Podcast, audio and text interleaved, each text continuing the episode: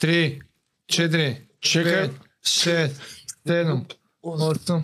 Девет, не бркам а, дефиниција за маса, нели тоа. Девет повторување На 12, беше на 12. на 12 беше за Да, маса, да. а 8 беше Чекай, за не, пумпање. хипертрофија.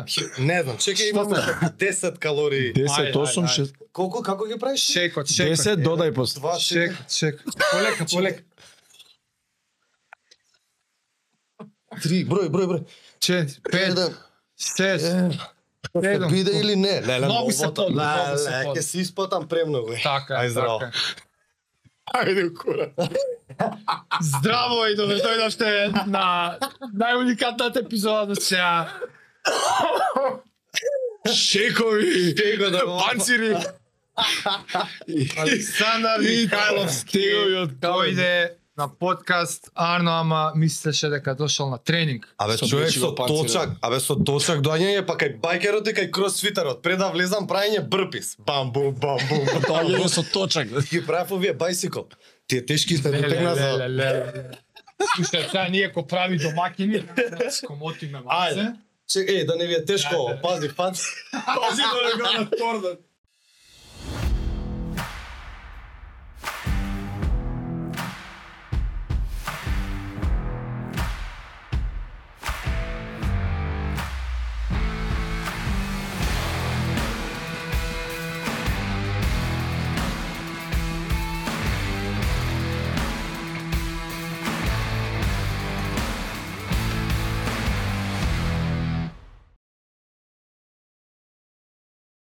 тордат. Пази, ау, гледа се препадим. е.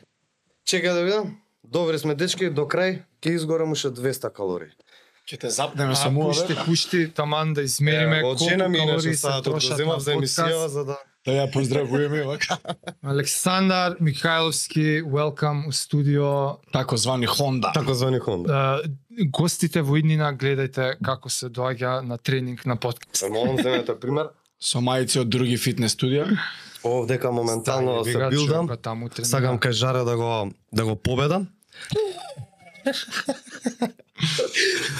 Не жаре, ама колегите Не ученици. колегите на жара, ама тоа утекот на подкастов ќе ќе им го кажам. Ги прозиваш? Ќе ги прозивам, да, да, 100%. Има глумци кај тебе ги спремаш. Многу си ми далеко. Од одма е очигледно дека вие си го имате Нати го дај ми го, Е. дај мала историја од кај сте, шо сте, како сте. Од средно Јосифрос.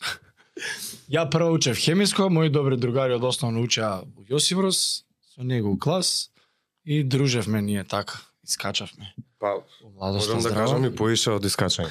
Да. Се државме за рака. на кеј, тогаш жарен не Не бил да вака, не не трчаше. Оф, мајко ми. И лева врска се префрлија Јосифрос и Школски И така, од средно. О, Да, школски од, од Има ли средно. бољи Јас ишов другари? уметничко Б, Бе.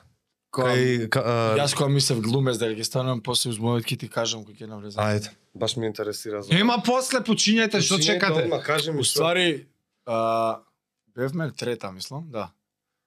Вика татко ми на представа да го гледаме, ајде викам. Театар комедија. Тоа што беше тогаш? МНТ. МНТ Да беше. се знаат колегите што беше театар комедија. Слушаш Викторче? Ти новата. И сега шала на страна. Да, да. Која представа ја гледавме бе? О, папа Да ме на убиеш, не ми Папа текне на која? светот, што беше тоа умената таму Не на славенски. Некоја. И ми вика, сакаш да се качиме вика позади. Ајде се идеш таму глумците кај што се шминка, ја појма немам да ти ги гледам и татко вика, ајде мочковци одете, деме ќе дојаме, да? ајде. А ние идеме и застануваме на сцена. И театаров е празен. Сега ја и Хонда на сцена, према публика, што не постои моментот нула празни седишта. И си ја вака, и овој гледа и вика, е, а ова е соно, дечко, вика. Вака пред пун театар, вика, и тука да игра. Ја, а у тој момент, ја имав аспирации, нешто како за глумец, на кај таму да ми оди, не да станам глумец, ама Уметничка душа, уметничка душа, така? Мислам А, секако си таква уметничка. имитираш гласови ово, она можеш И глумец да бидеш, ова, бла, бла. она. Ја, гледам, гледам напред. Празно. Себе си викам се не на него, викам, па не ми е мене, ја не треба глумец за едно пичко. А, А, немаше филинго. Кога нема него филинг, што го осети. имаше ти, тоа сватив, уствари викам, То правам јас со стилот, А. знаеш, не и знаеш, знам, знаев дека во тој момент тој пат нема да го фатам во животот. Јасно. Го гледаш него сонува со очите жар да ти ја вака штурци да ти кој ништо не се десило. Е, сега ја глумам, глумам паднат од Марс, ама ако случајно некој гледа и не примети колку си личиш на Еј. татко ти, Страшна работа. ти спомна, ајде да идеме кај татко ти на представа, татко ти е Тони Михајловски, да. ама мене одма ми падна ова умовет интересно. Значи ти од средно осеќаш ова ти е као Па, желба, судбина. Па може и порано. Да, Ајде, да речеме од градинка идам у драмско детско студио, од градинка имам прва представа. Официјално може. Тоа е аха. иницијатива или нема врска сам? Не, не, никој сам. Ја Така. просто еве сега гледајќи го мојот син како расте, он сака да има 200 професии, нели? Сака да биде фризер, сака да биде ова астронавт, не знам, сакал доктор да биде, торти да прави некои скулптури, од тортите се преваци на скулптури. Али одговорот на крајот од денот е сакам да бидам глумец као тато. И тоа е најверојатно тоа што ти несвесно му го намет му го он си го превзема од тебе. Извини, не не му го наметнуваш бидејќи нели, не му го да ти наметнувам не јас. наметнаш. Просто просто еве немам време да го оставам кај мојта, да го чува некој на работа со сите го земам со мене на представа. Да, на проба, на, на- проба. И сега пази на дете од 5 процесот. години, гледа онака. И тоа збориме за представа која што е нели не Не е е за детска деца. представа, така, него е класична постановка, драма, има тука сериозни муабети. Да, Хонда е умната си така. Да, у Македонскиот народен Не е театар. комедија, театар комедија. Бев у театар комедија, се вработив, така, така почнав, таму се вработив. Ама се префери многу. Така, тогаш не, е, не ме пуштаа да се вработам у МНТ. Таа нема да го објаснам, но така беше муабета. Да, многу смешно изгледа, мислам звучи. Па се вработев у, у, у, у комедија и после тоа се префрлив у мената, бидејќи така е, МНТ е мојата матична куќа од дете. Само од, од дете сакам да го правам ова. Е така и сериозни муабетот представи се играат на сериозни проби да Мојато си ми беше дека дека од дете од дете го сакам да го правам ова и од секогаш сум мечтал за тоа. како син ти што се има обземено од Најверојатно, твојата енергија сега, Да. мислиш дека и ти од татко ти имаш Апсолутно, така? јас од дете, од дете идам, да сум го гледал татко ми дома како чита текстови, така се спрема, вежба, па па кажува текстови, методи и начини на работа, тогаш не сум знаел дека тоа е метод на работа. Дека е процес дека е на начин, улога, да. процес на улога. Тоа знаеш за мене татко ми бил така. Татко ми, не, не Да, сум татко, да, не. Да никад не ја сватив големината и, и тоа колку е он вешт во својата работа, знаеш. И сега кога почнав да се бавам со ова, И добар глумец е маме. почнав да се бавам сега со кросфит тазе на вакво, сватив на пример колку си спремен. Ме разбираш? Да. Сватив колку стварно си спремен. До тогаш знаев дека си спремен? Као, окей, аха, окей, дигаш, све, можам и ја пушам, не, не можам. Добар момент тоа, да. Ме разбираш, значи, ондак сваќаш шо е шо е моментот. 40 кила Да, снеч да, е, две ставки и Е, што онака, 100 да, на Гоце му праќам видеа, најсмешни снечеви тоа, кога ти го пуштам видеото да видиш снеч што правам и тоа со 10 кила. Левото око ми искача. Тотално неправилно, без форма. Тоа се ја учам прв пат да живот. нели? страшно. Така да, све се све се учи. Мене мене ми е тоа многу драго што и он на пример го гледа, дури ми е драго ако сака да биде глумец, искрено ти кажам. Зошто не беше Тоа сега ако И ако, па ако трета генерација, Да, да. да. Еве има и, и други луѓе. Има ли такви дедо, син? Има бе како не се с Драган Спасов Дац, нели, татко му предходно, Дац, Така па се? Јаков Стефан се, нели, Ана Стојановска, По три Татко му- генерации? Татко му на Дацко има. е. татко му на Дац, како Како паднат од Марс. ко паднат, ќе ти кажам после вака. Многу, многу јака фаца е Како ти прави Спасов. како ти прави како се осеќаш што наверојатно често ти се случува Александар Михајловски скоро секад е у иста реченица со синот на Тони Михајловски. Да, затоа на Инстаграм се направив син на мајка. А, Имав една идеја на Па почетокот. за тоа не ќе да кажам сад татко, него зашо? не, ја- јас за Ама тоа намерно го што, поставувам. тоа е- знам, ама не ќе да се поврзува секојаш така, зашто ти си Ама види, поминав низ тоа. Можам да кажам, еве Е, кај вас така подкаст на пример, а, искрено ова дури ми е првиот подкаст. Вака Сите лайв. глумци ги скинав. Еј, фала ви дечки за оваа прилика. За многу други. за многу други, па ја ќе ве викнам у подкаст. Yes. И о, у, најава. Повеќе подкаст после и за тоа. да. Знаеш како? Ам, види, тоа тоа е нешто со Па, кое што порано, не, порано, порано, знаеш, порано не знаев да се носам со тоа. Пошто не ја знаев големината на стариот. Се ја знам. За до кога не се знае? До Па, средно, например, како не, и, знаеш. можам да ти кажам, не бе, знаеш, чудно е тоа кога луѓето Добро, мислат, е, твојата ти ме знаеш толку изгледа, да. се, и си викаш, аха, ти вака сигурно размислуваш, лабав си, ме знаеш колку сум лабав Да. по прашање многу. Ама понатаму во животот како растеш, нели, како стареш, како се осознаваш себе си, сваќаш дека всушност, чекај бе, јас не сум истиот од вчера, не па тој од пред 10 години. И е, пораснав во начин, е, во смисла на зборот на тоа дека не ми смета кога ќе ми кажат, аха, на кој си на Тони, на ова, е, баш сега сум млада, на пример, вика, од кај те познам? Вика, може да ме знаеш од театар, Инстаграм или као синот на Тони Михајлов. Мислам, ти го кажувам, викам у старт затоа што у еден момент ќе Да дојде некој е ќе излезе, ќе- да. не само тоа, ќе излезе некој ќе ти каже, е, знаеш чив си на овој, на Тони Михајловски. И сега тебе у глава вака ти се врти као, имаш опција, малце вулгарно ме боли кур, така, што си син на Тони Михајловски. Некој ќе рече, а, вау, супер. Некој ќе биде као, добро, окей, и Не знаеш дека има не син нај, има имаше чудо. така, и Тони Михајловски во кав син. Не му викам, ја најчесто ова е заебанцијата кога некој ќе рече у друштво као или некој знаеш као, еј, знаеш чив син овој. И се вртам на кај типов и му викам Нигор Џамбаза. И брат тука онака така Ка, не бе, лажеш. Не бе, викам, жими све, викам, помни ми е тетка. Леле, Поздрав до. Знаеш дека тоа го пуцам. Така да скроз сум окей со тоа, немам проблем, баш напротив сакам да постигнам работи како него во животот во глумата. Не се Па и на изнад, што да не.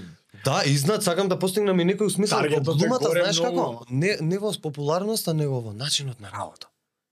Техниките, А, знаеш, Па тоа тука те нешто носи ново да да истражиш. да да истражам, да види, тоа тоа е за жал популарноста ти е се веќе на Инстаграм, на нешто на некои Да, други глума. на некои други медиуми. Да, Различно порано глумците беа тие тие Брат, што ги гледаш на телевизија, разбираш? Ра- Еве и у Различно се театар, мери, така, да. на пример Никола Да, и у Арсеновски, театар. Тони Михайловски, Јордан Симонов, немале Инстаграм, биле Дац. и се многу познати. Дац, да, они се постара генерација пред нив. Многу други, не на Стојановски, не знам, Ристо Шишков немал никаков ни Фейсбук, ни Инстаграм, замисли човече бил препознат, нели го знаеле цела цел И тоа Балкан татко знал. ти беше препознат кога не постоја овие работи. Па, У Еко, Апсолутно, да, Балкан е- Кани да. компанија на Апсолутно, и Буре Мара со години. Буба. Мара, бро. Немам проблем те текнува да зборам со тоа, дури сакав на Инстаграм да се пишам као син на познат глумец.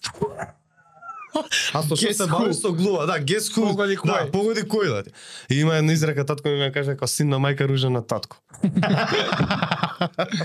и го обожавам, да, и сосема сум пусо. Ја, ја поставам едно прашање што ќе треба да е онака стартна по филозофска дискусија.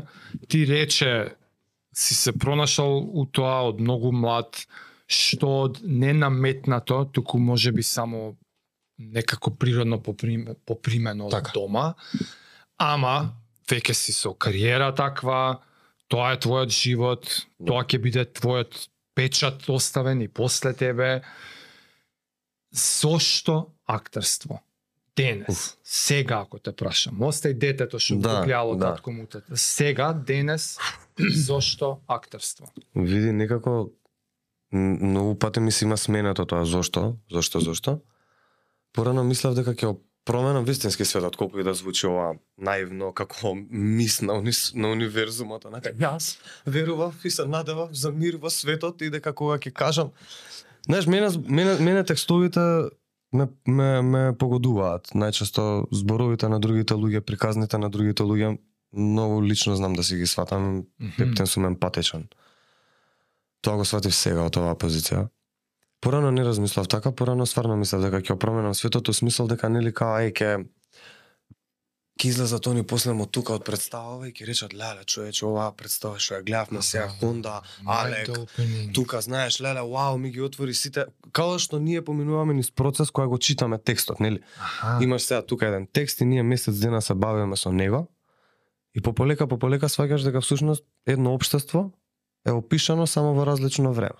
Ништо не е сменето. Да. Во ниедна книга, во ниедна драма нема ништо поразлично од денеска. Прелюба, а, неверства, така, да. превари, измами, кодошења, убиство, та, значи тотално Патот на херојот. патот на херојот, некој антихерој. антихеројот, така го сакаме, го мразиме, ово е за доброто на општеството. Тие се чиновите. тоа е нема бегање, нели? Тоа е просто нели ова света матрикс да не забегуваме тоа, тука ќе видиш у такви работи на влива. да, да. Да, али углавном, углавном заради тоа што можев да бидам да бидам све што ќе посакам е една од причините исто. Сакав многу да не ме примеа на академија ќе бе војник, ова може не го знаеш. Неколку луѓе го знаат, ама сакав да бидам многу војник, онака специјална единица. Спремен, дечко, друже генерале, разумем, 650.000 склека на мал прст, трчање со овакво бранење, гинење за државата, не знам, едно време с- кога си млад, гледаш преакциони филмови, готово идеш во Афганистан, платен убица ќе бидеш. Со многу смешно звучи.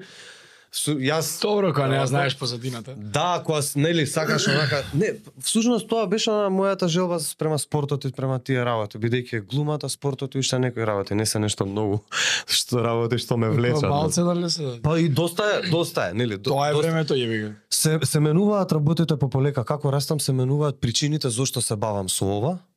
Дури не се плашам брат да не се бавам со ова беше. А, Во текот на годините, тоа е добар момент. во, во, во летните периоди, задниве 10 години иначе имам кариера. Имам Да, 30 сваќаш дека- професионални представи, и така, тук таму тезгички филмови, синхронизации, бла бла бла. А, знаеш како не се плашам да изгубам работава бидејќи знам дека можам да правам многу работи.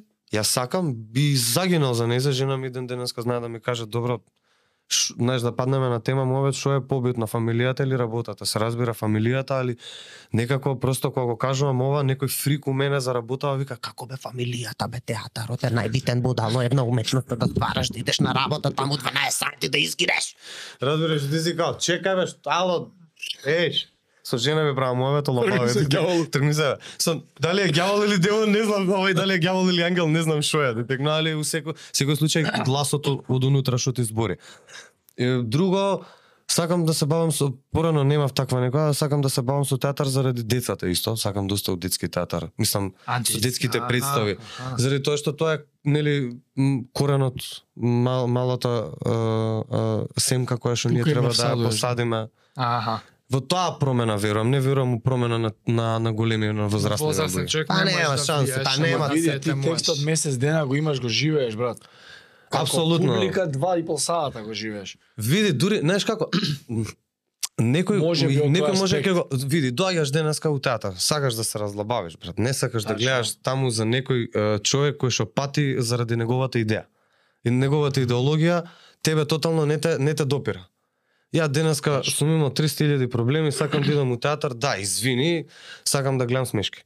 Паде. Леле, ама знаеш, тоа не е, нели овие што се овие алтернативци, а тоа не е Арт, уметност. брат. Извини брат, арте, и тоа е арт. И тоа е уметност, тоа е уметноста на животот. човек да те Замисли ти потешка. денеска доаѓа човек од работа, онака некој што работи, не знам, се бави Ајде, појма 8 немам. до 4 у фабрика, реци. Исто е тоа, не ќе да звучи ова као некој ти текна демек да го навредам, Никој него не сања за таа работа, да бидеме реални. да речеме. Ајде, види, може и некој сака. Така Да да, работи, да е жив и здрав, кој што сака тоа да го прави, нека го прави. Замисли се он доаѓа, жена му решила да го изненади у театар да го однесе душичка, така изморене, децата не ги гледа 12 сати работи човеко. После ми иде гипс картон мести кај Втора работа. втора работа. И сега замисли ти он доаѓа тука и ти му збориш да се биде или не. Па тој човек може да се убие човек. Замисли ти него ќе се рокне, мислам, знаеш, у моментот да му да му ем толку да гледа он ќе падне у депресија уште поишем, да дојде да гледа ничија земја таму кај што кај што играме, јас кај што сум ова млади у Србија, мислам го знаете текстот и, и филмот и све. Сам ќе се рокнеш, ќе ти е тешко да не не дека вакво, него тешка е причата, човече. Тешка е причата Абе, војна. Може некој му загинал војна, разбираш, може има Да, братичето да. Србија кој што така не знае што е причава на човекот. Тоа ми е најновиот лайф мотив, знаеш, пробам гледа истински- пастови, Брат, сосема кул, пастови е многу the way имам влезено у пастови, а, однака рандом дојдов позади да дружам со Тино со овие и као Атанас она будала на тешка вика као ај дојди влези да ти ами ја им ги донесов тангите у една представа. Ајде. Сосема и Али мислам, проаѓа, уште појако е така. За мене тоа е многу јако искуство да текнува, зашо заради тоа што се со окей е представата, некако сум бил дел. 200 башка има таму колку беше 200 изведби или 150. 100 и нешто има, да. Да, и Сега тоа е- со Виктор ќе збореме, Да. 100 плюс има, сериозно. да ти кажам. Ете Викторче плюс влезе нели за мене го минува жаре. жаре. Тоа е сосема кул. Е, сега контра. Што е па лошата страна на оваа професија? Уф. Лошата страна на оваа професија најверојатно она што никад нема да те сватат сериозно. Еј глумец кажи виц. Лошата страна на професија. Знаеш така е стварно? Да, брат. Знаеш што е лошата Да, не, страна? Знаеш што е лошата- пет да имаш вака у джеп, ради. Да, и знаеш што е лошата страна на работава? 10 години имам кариера, а, толку представи, може ајде, не се добри така, нели, ама пак сум 10 години на сценава и треба почнеш да правиш на Инстаграм работи за да некако бидеш уште попопуларен, О. не се цени. У глобала не се цени. реално. А, е, сам, имам дома пример, така, еден од поуспешните актери, направиш ли некој потек, нешто што на некого не му се свиѓа, одма не си, не вредиш ни како актер, ни како ништо, ни како човек. А Да. него тоа му е професија, може на, Пола луѓе живот ќе му влијае. Не сваќаат, на пример, за ова што го зборевме, дека ќе дојде у театар ќе се насмее. Дека ја живеам за неговата насмевка. Јас денеска ми е доволно само ти да ме погледнеш, брат, и да видам дека ти е вистински тешко и сочувствуваш со овој лик или јас сочувствувам со тебе преку преку твојата тага, преку очива, ме разбираш, знаеш, пошто очите се нели прозорецот, бла бла, Да, такви да. филозофии сега да не да не забегувам, ќе мислат види го Хонда се шекнал, што му е, човече. Тоа е, мислам дека најнеблагодарното нешто во професијава. Не се парите, не се вакво да, као, еј, брат, ајбе, глумци сте вие таму, а, мислам, многу е клише, ама сите глумци го зборат тоа, ме разбираш, вистина, као, се глумици, тука идете, патуете. Еве, сега поцрнев, сите мислат дека сум бил на одмор, ја бевме у Будва и утиват, ама бевме на работа, разбираш, бевме бе, да, играме представа, фестивал. Аха. Све, нормално, нели, Одлично идеш на одмор, одлично искуство, идеш на одмор, идеш да идеш на работа и ти се фаќа како одмор, Зашо е лето има плажа. Зашто е лето има плажа и сега ти имаш колеги кои што они на пример не идат на плажа, ама пошто сум нели ѓуптин у душата и ја без сонце и без пливање и без да се качувам по карпи и да рипам не можам. Без Тоа те- глупости, Да, без глупости, без кајак на морето така убаво не. а, и сега и тоа е добриот дел. Така и се ај ај беше се сончеше. Ме разбира? Јасно, А Кур те боли тебе. До тиват. Сигурно со авион не идете. Да, 100% со авион. Private jet, Private да, jet. private jet. Ја, Мухамед Али. Од гроб ги станеш. Еве со ова виздерче во си леткам. Ама си го леткаш низ прозор. Како па бевме со авион, да. Од авионот, ми си го вози. Знаеш, па се расипа автобусот. Па луѓе сакаат, таму имаш 30-40 луѓе. Па на некој му се прди, на некој му се јаде, на некој му се муча, на некој не му се иде, на некој му се спие, на некој му е галама. Јас сите си ги сакам луѓе. Меѓутоа, тоа е процес низ кој што ти И проаѓаш. таа е реалност со 40 Ама стигаш, луѓе која пат. брат, стигаш и првим ти треба еден саат да се навикнеш. Или, или, Кој би еден сат цел ден или, ти треба да се ајде, да, ја, на пример, мене ми требаше еден саат, пошто бегам одма од сите, трчам таму на кај морето, плажа, гледам, барам, да јадам, да се, знаеш, мојот ритуал да си го истерам у Аха. шо ми е, нели? И после си кулирам, се дружам со луѓе, немам проблем со тоа. Меѓутоа, ете, еј, беше на одмор. Не, брат, не бев на одмор. Знаеш, бев као патував таму, па таму се, А. е, се таму имаше една грижа на совест, некои луѓе работа те текна поише од тебе, ти си као денес, денеска немаш вечерта имаш А. представа, те текна као Јас се осеќам. Јасно, Имаш луѓе не идат на плажа, седат, се спремаат, ќе играм Се представа. потресува, да. Не можам. И седи цел ден на у соба и на крај паза ево е работа. Е, ај тоа објасни ми го. Кој е твојот? Ајде, ја не знам, веќе сум глуп. Кој е твојот изговор? Па што се обземал вајда толку и не знам, по паника под стрес. Чегај, неколку пати ве слушнав Хонда, Хонда. Од, од кај ти е тој надимак? Тој надимак ми е оваа прилика го ја користам да го поздравам а, Александар таkozvani Чарли од мало, а, ми, кој што ми го има надимакот дадено за сва времена, од трето, четврто деление го носам надимакот, порано трчав. Кој нели мислам порано трчав, се тркавме порано тоа беа игрите. Кој побрзо ќе кој кој биде Ајде побрз. таму. Еј брат, ајде он дека не можеш. А кој не може, Па, сега ќе видиш. Кој последен Кој магарац? последен магарац, не, не, не, не, и така дале и цувки и Ти беше цовки. од побрзите? Па ја бев доста брз, можам да ти кажам, да не Ај, се фалам сега нели као сами ностоп татко ми имаше на времето една Хонда, све е со стариот поврзано, доста причи се вакво. Затоа решив дека нема бегање, нели од тоа што ме праша на почетокот. Така Просто нема бегање, го прифаќам, embrace this. Океј, на крајот од денот боле да ми е Тони Михайловски татко, замисли него некој друг. Шупак, ропак, некој неталентиран Више, ако треба глумец. да. Да, више ако требаше да А бирам. сакам да сум глумец. Папи, стварно Више, тебе ќе те одберам треба од да сите, веруј ми, немаше како да одберам Никола, Микола, некој не тебе, ни Јоцо, ни никој, ни тац, не дај Боже. Јако е. Јаков не се љуби. Јаков не се љути ова е сега подкаст, нели тоа тераме. Да, гум најадаме. Дури прекултурен сум, кажи жаре. Многу Многу сум културен, воспитан сум. Чекам луѓе. побота да дојде. Чекам, чекај, Не, чекам. не иде у пранови, иде у Не, тегот ми треба, чекај, направам тука. Овие ми се нова ми ова, за рамо ми ова. Измислувам ми вежби, морам да ти кажам, и правам глупости. Да. Браво? Хонда. Хонди, брзи Така, Хонда. и така, на, и така наста, настана на. Димакот брсико на таткот и Хондата. Јасно. И тоа меѓу меѓу другото и ми е една од омилените коли.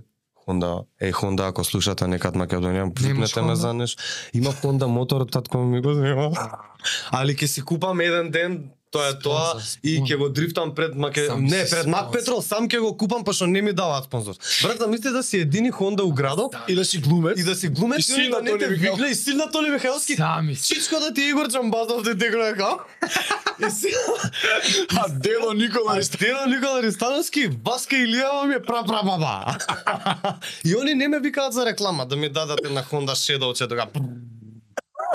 Па ти реши се, кажи саш мотор, саш кола, да. Што зна, е тоа е добро прашање. Што сакам повеќе, мотор или Да, кола? Би ти- сакал искрено ако не е тај пер.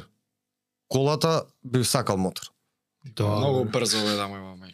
Ти откри више неколку така behind the scenes ствари што ние не актерите не ги разбираме баш, Така. ама ако те прашам баш конкретно нешто што обичниот човек, не актер, Добро? Што е нешто што ние не не разбираме, не знаеме за што значи да си актер како професија да ти е актерство. Уф. Што не знаеме? Па Што- не знам појма немам. За вистински, ако збориме за за луѓе кои што вистински нели праќаат низ процесот наречен актер, мислам дека за еден, хајде да кажам човек што не се бави со тоа, не може да знае болката што ја носи тој еден човек. болката. Да, јас така мислам. Ако живееш карактер. Живот на живот на смисла во, во смисла на, на животот, нешто што го носиш длабоко закопано во себе, некоја тајна, можеби нешто што нешто што те мачи, може можеби е тоа и некоја, можеби е тоа и некоја добра работа. Нели не мора да дека ж ти си го имаш тоа како Па јас мислам дека секогаш си го имаш Па мислам така некоја емпатија, на пример кај мене сметам дека е тоа што јас на пример вистински ги преживувам повеќето од работите кога станува збор за театар и за еден процес На ликот? на ликот. Да, и не само на ликот, некад на пример повеќе можам да се соживеам со тоа што го кажува мојот колега, на пример другиот лик. На пример, е, е, во една антагонистот, протагонистот може да го засакам те текно антагонистот, па протагонистот, значи, знаеш, не не го сакам секогаш херојот. Аха. Знаеш, А, а дали тоа не не важи само за за за кога си на представа, него ти важи и онака Јас во не, не, не, не на представа, не, него општо во животот. Знаеш, Така, за Мислам така дека збориш. неискажаните луѓе, да, тоа мислам, на луѓето кои што не можат да искажат својата болка, ме разбираш, не, својата својата патња, своето патење кон светот. Знаеш, просто ти го Ти гледаш го светот, јас го доживувам светот така треба да биде, розев, нели, или не знам, полулилјаков со црна боја, некоја.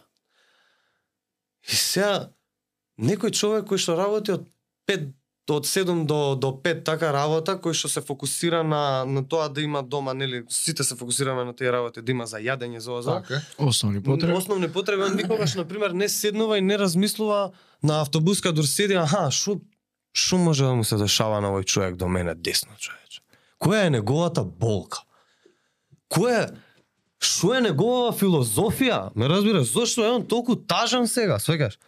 Знаеш, тоа не знам, може А да не почне да го суди Не, не, мислите. никако, човече, не, не, не, не. Сега знаеш што ме треба Јасно. да те прашам, дали е тоа за тоа што си актер Па ја мислам дека за... си актер за тоа што го имаш тоа во Па себе? ја мислам дека дека ајде да за да Јајцето не- или кокошката? Да јајцето или кокошката, да речеме вака. А, не би го сврстил ова само за актерите, би го сврстил за секоја уметничка душа. Секој од актерите И, и, го и има тоа? уметници и а, не го има секој според мене, али повеќето вистински Добри актери, актери.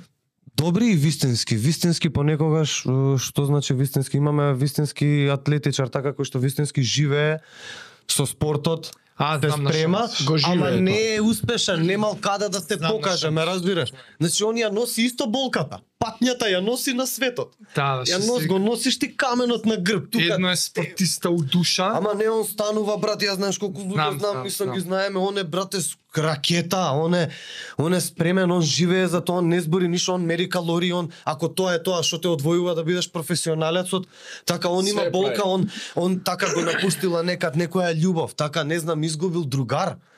А, изгубил а, е, животот му изгубил смисла, да детекнува, па добил, не знам да речеме нешто за кое што он смета дека треба да се бори. Не знам, самиот себе си се, се уништувал, така? Се гази самиот себе си, ти си супер човек, ама упорно идеш да пиеш, да се правиш лом, така и не можеш да избегаш од сите работи кои што тебе те демоните убијају те бато демони, како викаше овој Србино, разваѓају га демони. Идеш под мач, како викаше овој Србино, е станат хит по Инстаграм и по оваква, ќе ти кажам, ќе ми текне. А, така да, за да, за да се бавиш со ова, со уметноста, у глобала да напишеш песна, така, дури и срекна да е. Треба да сакаш да кажеш нешто. Треба да, Да сакаш да го осетиш вистински. Може би болката беше така пресилно да го кажам и треба многу објаснување Знам, заопшто знам за луѓето, да. а ќе знам дека ќе ме сватиш пошто го, го правиш ова во спортот, во еве ова го правиш, сега имате поочигледно потреба да кажете повеќе работи, чим имаш подкаст, така? А, тоа е некоја болка што се ја носел пошто не те слушнал никој, така до сега. Да. За сите Ја не сум можел да ги најдам тие Ама никој информации. до сега не знае така како ти брат си се изнамачил, имаш супер супер резултати. Супер резултати си постигнал, а никој не знае како си Знаеш, стигнал до тоа. Дури оној англискиот термин како подами е соодветен life is suffering. Такмо Не некоја е патња те е, suffering, страдање. Страдание. Страдание. Емпатија, луѓето што се поемпатични те текнува вакво и животот го доживуваат ептен е, вистински кога ќе го допреш буквално до, животот го допира. Мислам како физички допир му е тоа. За да се бавиш со тоа треба да ја носиш таа во себе таа налудничавост. Знаеш, пошто има луѓе, да, ја сакам да бидам глумец, он ја сака идејата дека ќе биде познат, дека ќе игра у театар, дека ќе го гледаат the луѓе. byproduct. Знаеш, да, да го купат. Јас искрено, не, искрено никој, не знам, може многу малку луѓе знаат, многу сакам да бидам дел од алтернативата. М, кога дојде значи тоа? Па тоа значи да не работам у театар, да не бидам нели меинстримот, македонски народен А, театар. актер, ама- актер, ама да бидам нели фриленсер, повеќе да немам на така себе. Па види тоа тоа го имаш негде на види, страна. Тоа е у Македонија, кај нас има Кај нас е, не, кај нас се запосли се, земи кредит, дете Да. во станот да го купиме, ме разбираш. во Холивуд тоа. никој не те Не, во. Холивуд тоа е друго. Холивуд порано многу го сакав. Мислев дека е Холивуд the shit. Да. После сватив дека тоа е све нели еден дел од пирамидата која што ти треба да ја продадеш душата на ѓаволот, не Е, знам колку од вас верувате Да, у тоа. Али ја попочнав сега да се бавам Повеќе едно време е бев денес, да. А, успешни луѓе кај нас. Ја продал душата на ѓаволот. Хм. Знаеш, и почнав да забегувам бев као, ајде, фак оф, да ти добро уредо е, тоа е Холивуд кај нас. Тука се ти ги знаеме кои се илуминатите, нема врска, али кај нас шут Ма чекај, ова нели е а, само за филм, нели важи тоа? Зашто филмски актер кај е запослен? Види, Вајда нигде. а, филмски актер, филмски актер брато у Холивуд не ти треба ни да го запослиш. Е, па Си идеш, тоа ти- снимаш 5 милиона, после му отвара Али тоа е за сендвичара, ху- баби. И теба тера бизнисот дружи една кола Toyota, некоја Honda, Monda, ова, она што е да е електрично сега шемата. Две-три згради. Две три згради инвестираш и брат си завршил брат. Не, али у Македонија Брат, збориме да си идеш на филм, снимаш ти здраво здраво, снимачки ден, не знам, 300 евра ти вика као сегаш луѓе 500 евра нели као е некоја стартна тоа е за тука збориш? Да, за тука као луѓе кои земаат збориме за по 1200 евра снимачки ден, тоа знаеш паѓаат у несвест, разбираш. Сам многу е од Одма тоа е да Дес- сајта тоа е исто. не, 10 ама снимачки дена, 12. 10 снимачки дена по 1200, 12 ама там Пу, цела а, година си многу долар. тешко. Тоа е за пола сендвичара као нешто мало онака веганско нешто да отвориш ти текна На пош- хо- хондичка на стар. Хондичка на стар. 6500 Civic дизел 2.2 од Швицар се увезена, не е многу Тайпер 2008, Тайпер веш. 2008 дизел, дизел Тайпер. Многу ми се свиѓа ритамот, идеме сериозно. Па За да. овој бран. Се враќаме- на Видиш, Шината на сериозно. живот да остане како- Life is suffering. Тоа Половна Хонда. Види, ако него, така и, и за во спортот, и, и дури такаш да бидеш нешто друго, освен глумец или не знам, војник или нешто што и да е, пак треба да имаш, да го носиш тој, тој момент, таа таа болката на светот, као да ја разбираш. Нели, гледам вести, не гледам вести заради тоа што, не знам, ќе добијам информација дека таму некои деца, да, нема да јадат, а јас стварно не можам ништо да направам околу тоа. Мислам, е, понекогаш тоа, жена ми се разочарува од такви работи, као ја фаќа сериозна депресија и пробам да ја кажам дека не си суров човек, Ако не не сочувствуваш у моментов сега со Така. тоа, напротив ќе се пошандрцаш. Сами се бавам со тоа, до, еве можам да да споделам со вас исто тука дека не знам која работевме ничија земја. Брат, Че земе представа до исто филм што представата беше? филмот, да, брат. Ај знам, ка, мислам, имавме конфликт. Босна војната, 2001, со- така, нема веза. И сега јавата што им се дешава на србите, успоредба со нас, така, НАТО, мато, овие се скаруваат Босна. И починам да гледам документарци. И не можев да спијам 4 месеци. Сам гледам деца 17 годишни дечки онака со седам дома и плачам, мислам еве еве еве што е разликата? Не нели сега некој ќе гледа ао педарче ти текна плача. Сега што дечко ќе ти го пуклам носот у секое време, разбираш? мислам, седам и плачам за тоа што Ја од кај знам бе брат? Од кај знаеш бе ти како е да седиш у бункер ваков и бау бау гранати На да рокат? Како ја 17 ќе сочувствувам на fucking години, 17 факин години? Ја на 17 факин години Кога на се трескав од и се земја. смеевме Да, фаца, се да. трескавме од земја за дома што И не ни купиле За изобе за... Се не пратиле на телефон. Абе, ке цој дека ќе Не такви. мајда ти. Не сме биле до толку јебата Не сме фолиранти. ама пак. Баш бевме прва генерација, втора генерација, можам да кажам, пред нас имаше доста кул дечки кои што бевме баш покул фаци од излезени од Јосип Брос. Тоа го тврдам. Со сигурност, али брат, како ќе се чувствуваш бе ти со тие луѓе? Како ќе се како како јас ќе дојдам до еден стадион да можам да се чувствувам со дечко, младич, при, при тоа ликот мој има 19 години, ќе пуни у септември у представата, вика. Значи нема ни 19, еве има 18. А нема да го доживее септември, И веројатно. лежи на мине у еден момент, сегаш. Е, и морам да ви кажам, Не, не, и, тој го и- грумиш. И да, Што лежи? не, не, у еден момент, тој што тој што лежи на мината беше е, еден колега Никола, се откажа представа бла бла бла, long short како да беше тоа Long story long, short, long story short. Татко ми влага у замен, играм со него представата, една од појаките моменти у кариера ми е, тоа ми е. О, чекај, ова мора као тема да го пишам. да, да, тоа ми е као татко ми влага у замена у ничија земја и он го За игра? Босанецов на мината. Човече има реплика у еден момент ми вика: "Еј, Нино, поздрав, ќе се видиме." Ми ја фаќа раката, дај. Ах, Онака, а, а, а, LGBT момент меѓу мене и Жара. Ова беше да го искористам моментот да го допрам за рака, брат. И као, И уште ме трае. Да, и уште трае, фаќа и стариот и ми вика: "Еј, Нино, и сине, не прави глупости." И сега, бе, fuck off да те, мислам, татко ти ти вика, нели целава прича и ти експлодираш од емоции, брат, пошто ти ти тука Тоа, да, живо е ти- со тоа, татко ти еден ден доле седнат, болен, нели, не дај Боже, не знаеш што ти носи животот. Да. Али секако ќе присуствуваме сите на моментот со нашите, така? Па дај Боже Фак е- ние да присуствуваме фак, на они. Да, мислам, така, Да фала редот. Богу. И се јеботе глумиме, се сежам и као и шо, и шо, ја онака шокови доживувам, ме разбираш? Па Усред представа се деша. Да, мислам, види, тоа е представата, јас со Никола исто го играм тоа, те текна Ама со друго е И тука, да, тука е можеби треба да се форснеш да ти дојде, нели, по да, да имаш по, поголема мо- мо- момент да го доживееш, да го преживееш, пошто нели глупо звучи сега тука плачам.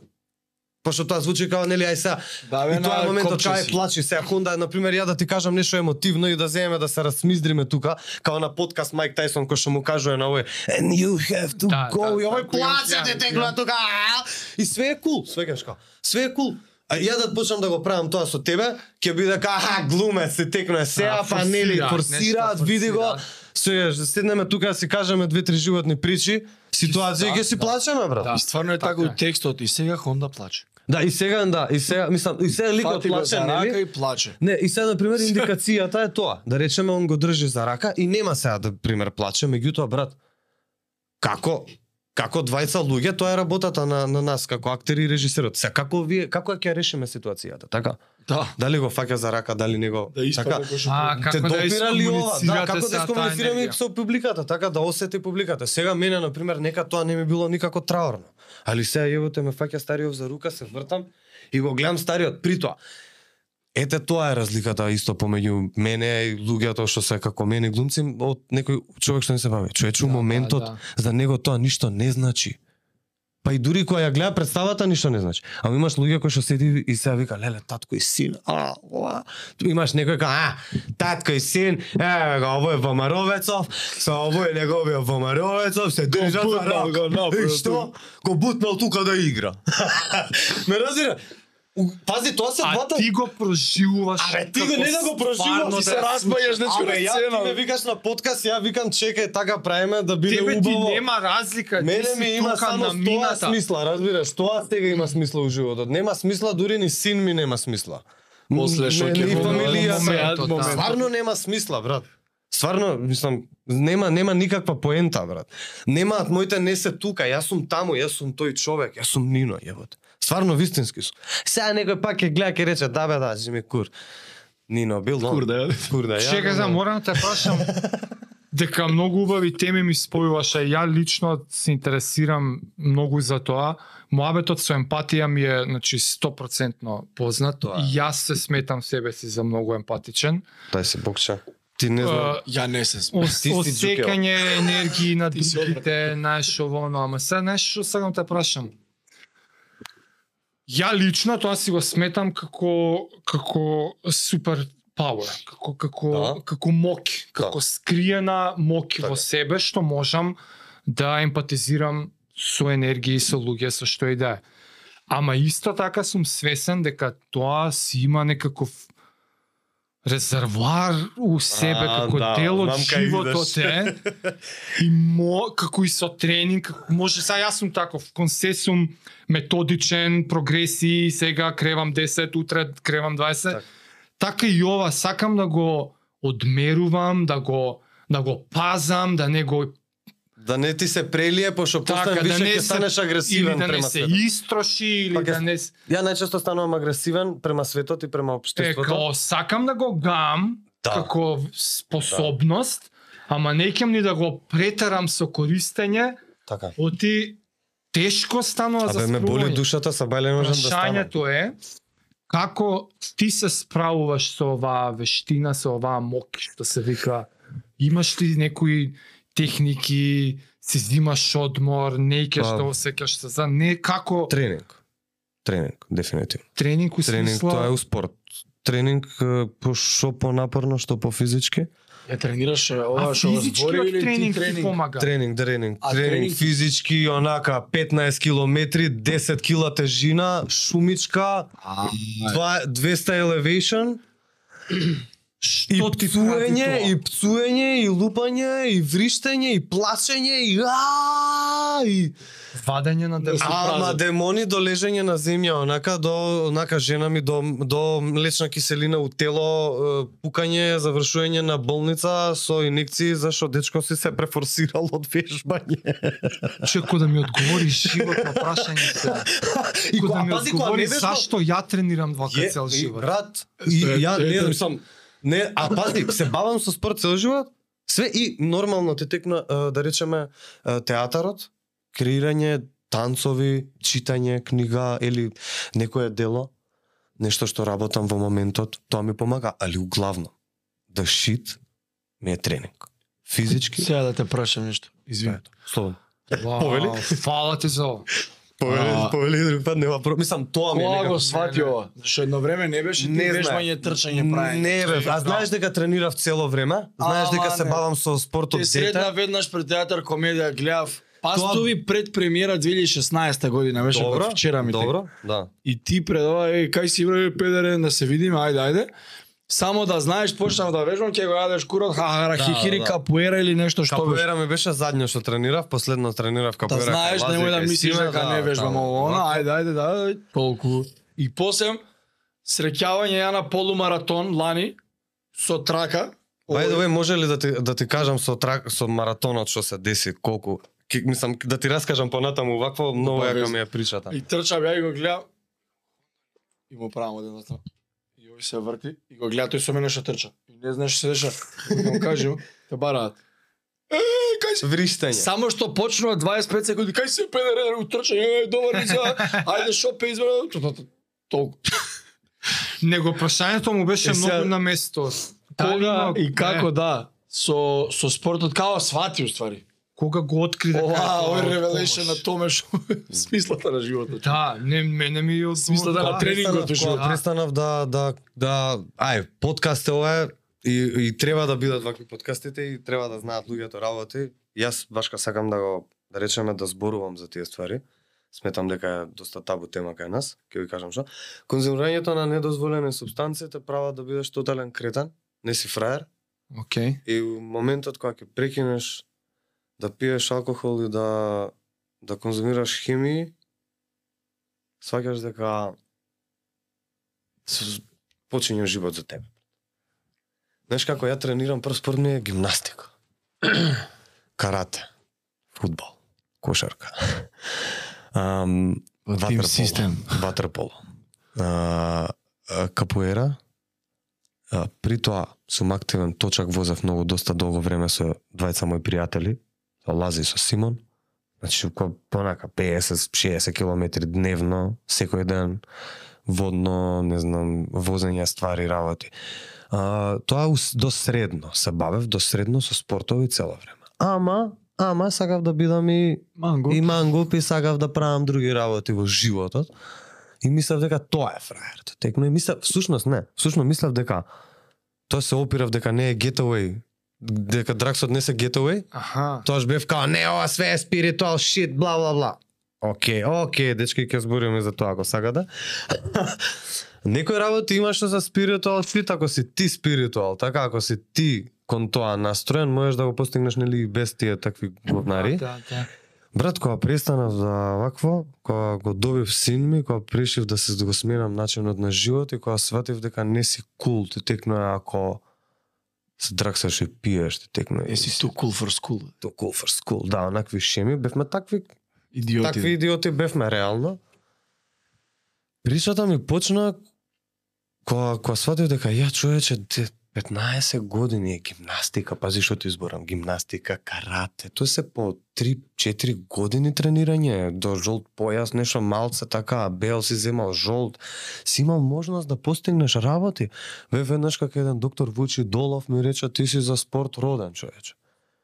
И ја бев као, Зошто не се бавам со ова, те текнува, ама многу го сакав театар. Мислам, многу го сакам театарот и, и таа борба помеѓу помеѓу дисциплината спортска и ова откаченото, вау, те текна Аха. тоа театарот и глумата ја доживував као фри спирит.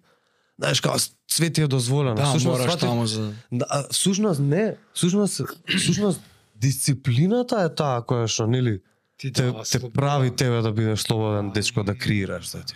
Пошто ја кога ќе се направам лом утре дента мислам дека сум прекреативен и станувам те текно е да ме пишувам некоја песна или цртам нешто, цртам, правам работи плюс, не е само глумата, те текно јас overall, затоа ти реков преска за уметниците, да, артист. уметничко, да. Буквално така се осеќам, како еден артист кој што кре, сака да креира еден умет, уметничка душа, мислам колку да звучи ова клише, ама тоа е тоа. Денот кога решив да се откажам од работи, денот кога решив да не ги забавувам пола луѓе у град и да бидам ти текнуја прва ударна бригада за сите забави што ќе се десат и идеме како не пројде без мене забава, леле леле ќе застане светот. Да. Не брат, Хонда всушност преовлада те текнува тој момент, тоа уличната, тоа, знаеш, мислам колку и да зборам, ама некоја филозофија, ма. Али Александар е спортистот. Александар е тој што чита, Александар е тој што сакам да водам тефтер со тоа колку работи сум направил, колку ваква, ама пак не сум целосен у тоа и ова ми е најново реално. Стеги си ставаш сам. Па не бе, многу сакав за луѓето ти текна другарството, ова да бидеш, она не брат, дисциплина се излезе на, на Инстаграм као 10 hours of work, 2 hours of training, 8 hours of sleep, тамо како е да му беше бла бла бла, if I text you, matter. И баш ка се Да, имам фамилија, да, да. и баш ка се имам фамилија, Шо семејство, мислам нема што попрво веќе. Не, не, не, Тоа е, тоа ти прво. викам, шо... Ти текна као, да. Нема второ. Нема, Нема. второ, да, Тоа е. нема второ, да, и тука имам голема борба, нели, тоа се демони, така сакаш да, нели, еј, дали да бркам ова, дали да бркам она. Углавном, овој мајндсет и тренингот го сватев кога почнав, кога вистински имав кризен период у животот. Сакав да излезам. Брат, сакам да излезам. Како да ти кажам, Не не, излезеш, да излезеш у град, да излезеш. лом, Да се направиш Лом, масакар. значи ајде не знам што да ти кажам, шишето од тука у око, овај субстанциве у уши, онака и те Кај тегна. може Да, е при тоа, при тоа, при тоа стабале тренинг. What the fuck? What the fuck? Повраќаш изгорен, 4 дена седиш кон мртов. Ти јас сум тренирал секогаш.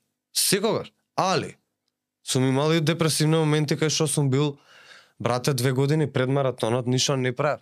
Кога се роди Матео, бев онаков фу пулс, нага, те све, фул, онака ептен, лудило, пак, дури и почнав да пијам протеин, онака внимава, фаминокиселини.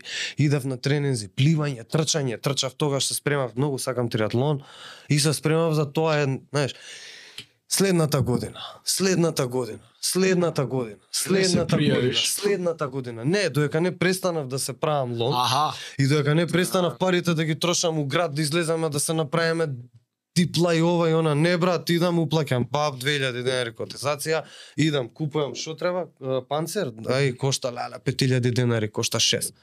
Јебате ги потрошил петок 5000 денари, ќе го купам, тој тој па макар и да не вежбам, кога ќе го гледам, ќе ми текнува дека сум свиња, ама добро барем не сум ги потрошил на алкохол, на на коцка и на дрога парите, него сум ги потрошил на На здравје. и- на нешто што ќе ми донесе подобар менталитет у глава, мислам подобро гледање на работите. И можам да ти кажам релативно, релативно оваа филозофија ми е две години ме вози. Може и поише не пијам алкохол на пример, Па и многу многу време. си ослабен од задње Да, да, вежбам, мислам дечко колку изгубивме, чекај се препатив, имам 200. Сам пази. Па го тргна од рака до А не, преска многу е 200. толку е добар што он Новиот спонзор, Значи ова новиот, ова е најновиот watch брат, нема. Ова е на Honda, На Honda Watch. Ова гледа гостив, тука ме брише. Да, пред две години, да, кога решив да се откажам од работа и од начинот на живот и да го вметнам мојот вистински живот. Мојот вистински живот почна кога почнав да се бавам со спорт, кога се пријав на маратон, истрчав 20 кет. Сте- 42 фатили? Не, сакам се тоа ментално Ајде, а, да. да не знам дали, не знам дали, пошто имам време да се спремам реално до маратонот, пошто трчам право. Не знам дали сакам да бркам подобро време од минатата година на 20 кецот. А, Или дали сакам, да, сакам брате да го истрчам, не бев задоволен заради колку тоа. идеш? А, го имаш за- ти од мене. Па ти после мене има завршено. 100% па ти ба- таму ми помили ми правеше вака и по... дека скинав е, задниот Е, километар ски? лист листот е, руптура имав внатрешна на вакво заради тоа што е, четири четири недели, значи слушај, се спремам. Ова беше Сега 22 маратонот. Задниот што беше. Да, маратонот 22 пред тоа почна мојата сага на спремање. Сам првин трчав е 2 по 3 километри. Индијанец. Да, после го купив панцерот, прв бе да го купам панцерот, трчав со дрво у шума, те текна на грб. Мислам, ова ви го Хардкор. стварно хардкор глумев. Мислам, тоа ми беше поентата, разбираш, да го вратам назад, вистинскиот звер у мене, разбираш. Се осеќам као звер, да, ќе речат луѓе, ха, звер. Се осеќам. Као звер, имам филозофија дека човекот, мислам филозофија што сум ја слушнал, дека брате ако не се осетиш као звер, барем до 50 години да го имаш тоа чувство, брат, нема да газиш за ништо у животот. Така. Тепај. Да ми извиниш, курот нема да се дига више да тем на 40 години, нема да имаш да имаш желба за секс дома со жена ти, Нема да имаш, да така. се Син ти нема да можеш да го да му бидеш пример. Нема Една да од големите онака хайлайтс во животот, водилки ми е тоа дека Матео сакам и ми вика, знаеш колку ме кејфа никој друг. Тато, тато, дигни ја мајцата. Пу, му се стегам. А! Он ми е другарот што ме хајпа, брат. Јако. Другарот што никад го немав да седи и да вика, Не. ајде пичко, 300! Уа! Свегаш, мислам, јас сум тоа. Ја на пример на другар ми му купив поздрав девал, Ски ти кажам кој е на, на гудацот, му купив протеин, го фурам, го сакам, сакам, сакам тоа да ни биде шитот, ме разбираш? Е, да сакам да жив ми биде шитот тоа, брат. Дојди, трчаме, брат. Ти Не, кафана, сакам некој да ме стане да ми рече дојди, свињо, стани, ајде. Јас сум хајпер тим, тимер сум, онако, фептенс. Хајпмен. Хајпмен и тимски играч. Ти. Може и да не бидам, знаеш што? Една филозофија кратка. Не, нели е тоа, не носат сите униформи, сите суперхерои, бла бла бла, али пази, не може сите сакаат да бидат Бетмен, не сака никој да биде Робин. Немам проблем да бидам твојот сайдкик. Пошто Да, брат, бе, Зашто да херојот не може без сайдкикот, брат. Тачно. Факин херојот иде дома кај жена му, иде дома кај швелерката, иде дома кај Бетмен, ево кај Робин. Така, може сакаат они двајца, има љубовна прича меѓу нив, на него му се жали, така. На не кој му се жали бе? брат? На никој.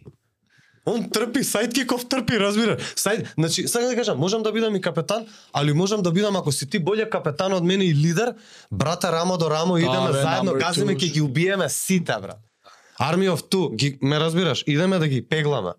Листот и маратонот. Листот и маратонот. Пази, значи се спремам. Сагата почнува. Ја трчам, купувам ова. Четири недели рече пред? Пред Или месец? А не не, ова две години се спремам, пошто го пребаци Аха. 2001 21? беше. Да, да, да, сакам, сакам.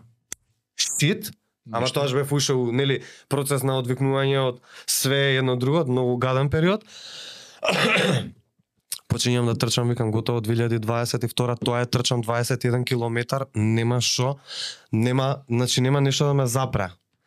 Сам година дена трчам, на пола година веќе година и пол, така трчање само до 15 километри, строго, со тежина почнав да трчам, успони нагоре, шпринтови, гледав, никад не отидов никој да прашам ништо, све сам, сам, ќе се изгориш. Ако, дај да видам како човече Се заебеме прво. да. Дај да се заебам, секако сум заебам, брат, се имам повредена кичма, игла ми има влезено на сред представа. Колениците од собракајка скршени. Uh, значи, што да ти кажам, главата расцепена, потрес на мозок, бла бла, небитно. Пази што се дешава, се спремам и го истрчувам првиот 21 километар. На тренинг. Да, у Србија. Идам со цариот имавме нешто, као прв пат трчам 21, викам сега, почињам, од тамо, Дорчо, кај што беше, до во, Београд на води и таму назад ја направив цела патека, пошто нели гледав. Предходно не размислував, па идав, гледав ушетање од каде, нели тоа е една Е, тоа не можеш така брат, уствари. Не можеш не, така. можеш така, идам на и попад? трчам. Тоа можеш на 20 години. На Форест Не, Гамп. на 20 години можеш. Станувам, трчам. Се правам лом, све утре дента трчам, ништо нема, ама после на 30 не, не можеш, извини, ама стварно не можеш. Поготово ако си се уништувал нели себе си упорно телото, место со добри Со протеини, со да. ова, со да го храниш, ти си го хранал со тешки глупости и токсини. Како и да, на коленици клекнување, плачење и вриштење. О, Жими све, жаре. Зашто? За првиот истрчал, 20 кога кет, истрчал. сватив дека можам. Ама чека, ова е така или тренинг? Не, не, неофицијален неофицијално, неофицијално. Тренинг, километри да ги помин. Стигам и сваќам дека можам, ти доаѓам до овакво, сваќам дека до можам. расте. Готово, све и сега више продужам све. Идеме у Охрид со една екипица, двајца другари, диме Никса, као Кајаче, Мајаче ги знаеш, меѓу другото, затоа ги кажувам вака со имиња луѓево, пошто ги знаеш. Со климе и со Никса, со Да, Ника. со Ничи и Климец. Кајак, супер, шема, Охрид, леле, викам, 4 недели пред маратон, па и пливање. Па и Тоа- кајак. Рикаве. Тоа идам у Скопје, трчам нели петки, нема 20 кецови, имам луѓе со кои што комуницирам, Бојан има истрчано, поздрав Пикси го знаеш исто, може една генерација постар од нас. Абе, Пикси го знаеш исто. Као цаци ова е, не знам да а, за десетката се зборевте дали за штафетите да правите? не, не, не, за као што да направам, као исчилај петка, трчај ти текна сега, А. пошто он има поголемо искуство. Нели собереш искуство од луѓе. Демек нема одма на 20 ке. Да, не, не, не. А, да, кога ќе стигнеш нели као пред тренинг, пред тркава на 20 Добро. кецов, да не трчаш 20 кецови, нели да не табе, се форсираш. да Пошто јас сум џукела, нели ден пред два, во 20 кец, нормално кој да ти каже. Ивана. Да. Кој да ти каже, кој да ти каже Охрид каснување. Не знам што. Пајак шкорпија, јас сум малце поалергичен, ногата токава, две недели завршувам на се. со штака. Полудуем психички дома за тоа што се уште две недели до визер, брат. Ла. Визер и викам не. ОЦР, првиот ОЦР Леуново го испуштив заради тешка повреда на колено на представа. Не можев, имав токаво отечено вака, бумбар, токаво. Тоа е многу полесно од маратонов. бе. Ама да, ама коленото джигер, джиги, не можам да станам маратон, овој ОЦР-от, трча, го трчаш утре. Ја, вчера повреден, детегна, да. задутре лом. Што, вака. Нема везе. Ме каснува. Две недели лежам, за две недели знаеш што се дешава. Стомакот, гзат надоле, нозете аут, нема вени, нема ништо, баба си детегна, краставица тешка, депресија. Абе не можам да трчам, не можам да одам до вецата да се измочам, не можам. Ми проаѓа за две недели, две недели остануваат. Ја на кеј, следна сцена, трчам, петка, и сваќам дека не можам. За 20 кецов ова? Не, не, не можам петката, брат. Да бе, паднал Не бе, не можам скроз. Да, бе, пробуваш тренинг, ме утепа, бе, човек. Е, тоа ше тој момент, како нели се справуваш која ментално, тоаш тренингот, нели што ти викам тренингот, тренингот, тогаш е правам мини, го изгубив, ама правев јас секако таа таа нервоза ја пукам у склекови, на пример, да речем. Ама што ти А. бркаат тебе склекови, ти треба да трчаш, нема на раце да одиш. Пулсо да го кренеш малку. Нема, не, ти то нервозата само. Ти само се- седиш и правиш таму нешто 200 склека, 300 правиш дома, пошто имаш време, некои два сати. Седиш како дивјак таму, пошто си нервозен и љут на светот, пошто некоја ебана оса те катнала и ногата ти е толкава, ти се спремаш две години, цела животна филозофија ти пропаѓа у вода, си викаш ке Oh почнам да се драксам и да пијам, ова е знак. Као, јебе спорт, брат, сум тренирал све, Е, па еве пробав. а ме проба. Шо сега, Шо фер? сега? Шо сега, Така е, гледај. така е. Тоа е тоа, едно е води, ладни, све терапии си правам, нели пратам тоа маце само сум у тој поглед. Пратам Вим Хоф, Мим Хоф, како да заздравиш побрзо, рекавери едно друго. Океј, доаѓа вакво, не го трчам. Не веќе го трчам, го трчам. Меѓу другото се видовме, нели? Не знав, немав појма за геловите. 20 кец никад не истрчав со гел. Па не јас. Да, ама чекај. И се сватив дека пошто сум повреден ќе земам гел. Аха, као. Пошто сум повреден, нели пошто не можам ни 5 километри да истрчам, умеѓу време јако. овие две недели. Ќе земам гел. Човек што гел, Оле купи кокаин брату, земи, баб, две штрафти извинете, вака, ама тоа гелот што е бе брат? Тоа ја да не, Факти пролив. не пролив бе. Срце ќе ми пукнеше, баш не знам кога да го испија. Ти кофеин таурин тако Абе не, бе, абе тоа брату рокање, ја пази се, трчам, трчам, пази се, ја истрчав 15 километри и не се напив гел. И на 15 се напив. Ка брат, зашто ме Хонда ка? Ама нема кој да ти каже, Ивана, разбираш, нема. Само укси до негде. Посем си треба човек. Си индијанец. Па би, извини, ова е глупо што го правиш, друже, не, не разбираш свеко. Океј, рокање, брато, на 15, на 17 ме удара. така, нели тоа маце дур те стигне, дур све едно Така, друго. да. 5 минути. Еј, ама чекај, чекај ова, чекај, ама маце, не, чекај. Абе, и другово, не осеќам, немам снага. Две, Два гела. две. Две гела. Две гела ги правев, ги пукав, ги удирав таму на лице место. Страм, не страм. Ама знаеш како, луѓе, чекај, ја како го доживувам тоа со геловите. Дека си нежен. Као ти си Your weakness да disgusts me, ти текна, ти текна, као ти си толку гел нежен, пичка, бе. гел бија, ти текна, као. Што не ја сваќаш големината на 20 кецов трчањево, ме разбираш. Тука до тебе тој 42 црнец трчаше бос. И го гледам бос, сега го ти ја удрам една, бе, не ме демотивирај. бе. Абе, господен, зошто ми Тој не измоча Абе, босиот. Абе, ајде, бегај да ти ја трчам таму, тој до мене дедото, знаеш, ке ке ке кукот му крка ме преминува, брат. Знаеш дека целта? Еј брат, ке- еј брат, ќе го скинем од маје. Тој може и на 42-ката пред мене беше, брат. И ги пукнав овие два вагела. Леле која ме отвори на 18, на 19. На 19 нели десно се врташе и тука кај кај кај ки- ова е кај рампа. Од рампа десно беше и Да, финишот абе, беше да. спринтот. Од таму до таму, брат. Од Тутунски, Да, десно. Соел, градска. И ти пред овакво е направо. Тебер 650.000 кубика, Suzuki Kawasaki. Минджа, минджа. Е, тоа ми се деси. И кинење мускул, брат. Of course. Па ти шпринти на Абе, брат, вака сум седал, после ме пукна, после ме иде, после маратонот ме удри мене гелот, брат. Вториот. Ме удри Ме гелот. удри гелот. Па така е, така шитот е тоа. Целиот вој момент беше за да каже колку го истрча. Оу, сати 5, Сати 9 не, или тоа беше до. 2 или до 2, така нешто. Испод два. И се мислеше дали да идеш на Да, се мислам дали да идам и дефинитивно кидам на најверојатно кидам на полу. При тоа за две за две за две недели беше оцерот со скинатиот мускул. Трчав 12 оцер, вака како сакат, ама пошо ме фати и на тоа е мајнцетот кој што го сменив. Минатиот пат те пропуштив за колено. Брат, овој пат. Ти после Скопски трчаш После маратонот отидов да трчам после 20 кецот оцер. Со ногата, Со джигер, со све. Бев и на лекар, тој, тој па еден лекар, поздрав друже, не знам како се викаш, ќе ти го кажав името. Влагам, му викам ногава, жаре ногава, балон, брат. Isцепано тоа лом направено, брат. Му викам, друже, не можам да одам. Што правиш, му викам, трчам. Па не може ти така да земеш да трчаш. Јас сум еве спортиста, бе чекај бе друже, што збориш бе будало една, па ти ме знаеш, викам ја што правев, така, пошто јас стварно почнав подобар процес, нели? Ме заеба, ме касна оса, јас сум маляр за такви работи, тоа мора да го знаете. Значи, Докторот го знае ли тоа? Докторот не го знае, после му отидов преку е, пријатели нормално македонската, така, мораш пријатели човек. за да те пријатели за да те слушнат сериозно.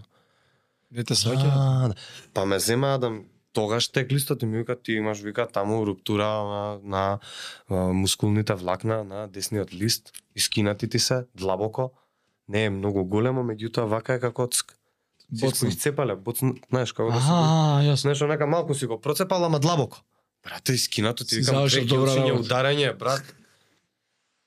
Потење поише од сега, сега, ќе- да, ќе да. Те чујат луѓе ќе мислат дека ради гелчињата се скинал мускулове. Така? А тој гел требало не е стави на вака, 5 луѓе, километар. не, не вака. Не, не, тој тој требало на почеток. Не па- вака.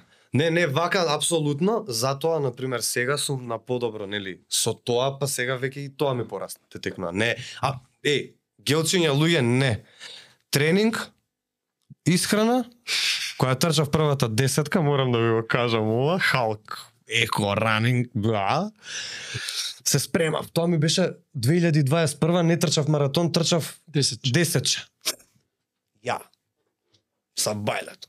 До 4, пошто сум инсомнијак меѓу другото, легнам до Sure. 4, така Sure. станува со 9 тренинг course. регулар, of course се знае се разбирате. On the same page тука сме. А пукање. А маргарин мачкање, а мајонез, три баклави, чипс, Карбол од бедечко. чипс, мипс, а бајле станувам киселина у ВЦ, седам, жена ми ми вика, ајде стани да те возам. Не идам, бе, и вика. Стигам таму на вакво, стигам на ова, на, на тркава. Тој таму. Как, растегнати. Трча, гелче, ма, се бу. Ја вака седам, брат, гледам, викам, црни јацо, црни јаране, кај си дошол баклавите. јебам ја. Не бе, не да трчам.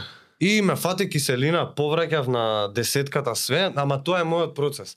И така научив и за Учиш гелчињата. од грешките. Да, најдобро, учиш од грешките дефинитивно. Така Да, и тоа е тоа. Да, ти ќе трчаш 42 Мене многу ми се свија тој потек, морам да ти признам, али дефинитивно би одел на брз 20 кец. Освен ако не се договориме сега после подкастов да влезам у екипа со вас, ама ќе ми треба ќе ми треба трчање со вас.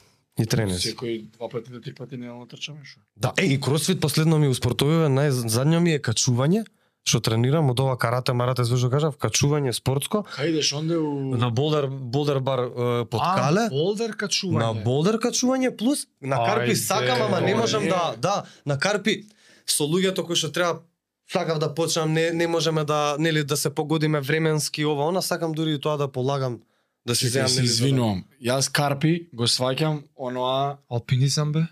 Алпинизам не free climb што Не, се тоа е кажува. бол- Тоа е болдеринг и фри соло постои Не, страње. не соло, знам, само да ме сведете што зборам. Јажиња и планини. Јажиња планини, јас сум сега моментално на вештачка карпа, спортско качување е болдерот. Тоа. Значи се што е затворено типе Тоа би сакал јас да го пробам. А Жаре, вистина на карпите не би не, сакал. ќе сакаш, веруј ми, веруј. Таму тренираат за да може да идат на карпите. Али пази, има луѓе, јас на пример сега сум на на ваква први сакав многу да е со природа Со карпите. среќа. Сега, да, со лесно, сега многу повеќе откачев бидејќи многу е, некако повеќе ме завозе спортско. Може е А. пократка дистанца, али па има некои техники кои што се различни од алпинизмов, нели? Па алпинизмов тоа е брат, исто Што друга е фило- спортското? Спортското е ништо, почињам од тука, така треба да се качам до дека те текнува. Вештачка. Вештачка карпа, тоа е. Вештачка карпа и што побрзо ќе Што побрзо ќе ја Аха. качиш тазата од тука, вештачка карпа, Кратко бајле. Неколку факелишта. неколку факјалишта се. Та, та, та, та. Имаш и спортско брзо качување со јаже на бра, што е тоа? Брат, тоа се е, исто многу ми помогна сега во овој некоја етапа, веќе не знам ни која етапа е, пошто не, не водам тефтер, не водам никакви такви работи. А, многу ми помогна да се осознаам себе си до кај Таму можам да отидам реално брат кога ќе се качиш на карпата. Друже, Си можеш мал- да бидеш најак тепач у градов.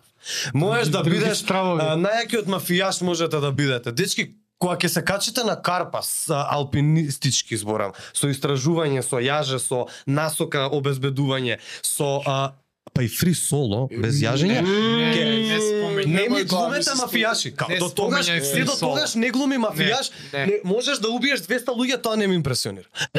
као, а, не ме импресионираат више тие као работи, и многу е јак ти текнува порано низ град моторот на едно, као, и, и појака работа од моторот на едно е ова. Тоа моторот на едно е си глуп. Со моторот на едно низ град. Нема да те прашам, ако го гледаше филмот. Оној фри соло. Фри Алекс. соло? Да, брат, како мислам се обседнав едно време со тоа не Не, знаеш што, има еден пострашен тоа, дечко. Слушај, има еден пострашен дечко. А сега у моментов името не можам да му го кажам и не би било добро да земеме да гугламе, надвор ќе да го покажам. Дечкото прави фри соло на all terrain. Почината.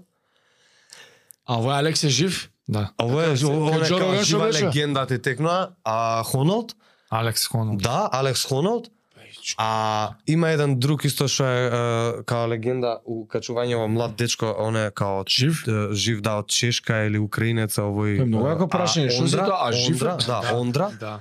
Повеќето не се. Повеќето не знам. И стариот тој еден француз мислам дека тој е као дали уште е легенда што се качува оној по згради и по видеа како деца што го гледавме. Сега го открив тој што сум го гледал порано аха. дете. Ми А, беше фрик сега. Спајдермен нешто Да, да. Сега го имам те текнува ваква. А, го имам Кај се запратено. мотивираше на такви ствари? Почнав на у стари те- у, години? а, а, Тоа од деца се почиња. Гледај. Е, да, јас ја сум- јас тоа- тоа клаймер. дете, само што не сум го знаел дека јас сум бил рок клаймбер исто. Брат, знаеш колку карпија ме качано у Охрид А, на мислиш канел, си- ма, па реално реално тоа ти е у крвта, така и сега што што те прави ти да си вистински клаймбер, така или вистински спортиста Да, од бе, дете да. да си почнал или на пример јас све со све сум се бавел од од дете. Колку дрва си имаш качено? Леле, дрва, ама не збориме дрва као дрвца. Тополи збориме онака да. као шитот. Баш кај има и има и таков таква дисциплина tree climbing и идат качуваат онакви по Америка дрва кои што се као по километар 300. нагоре.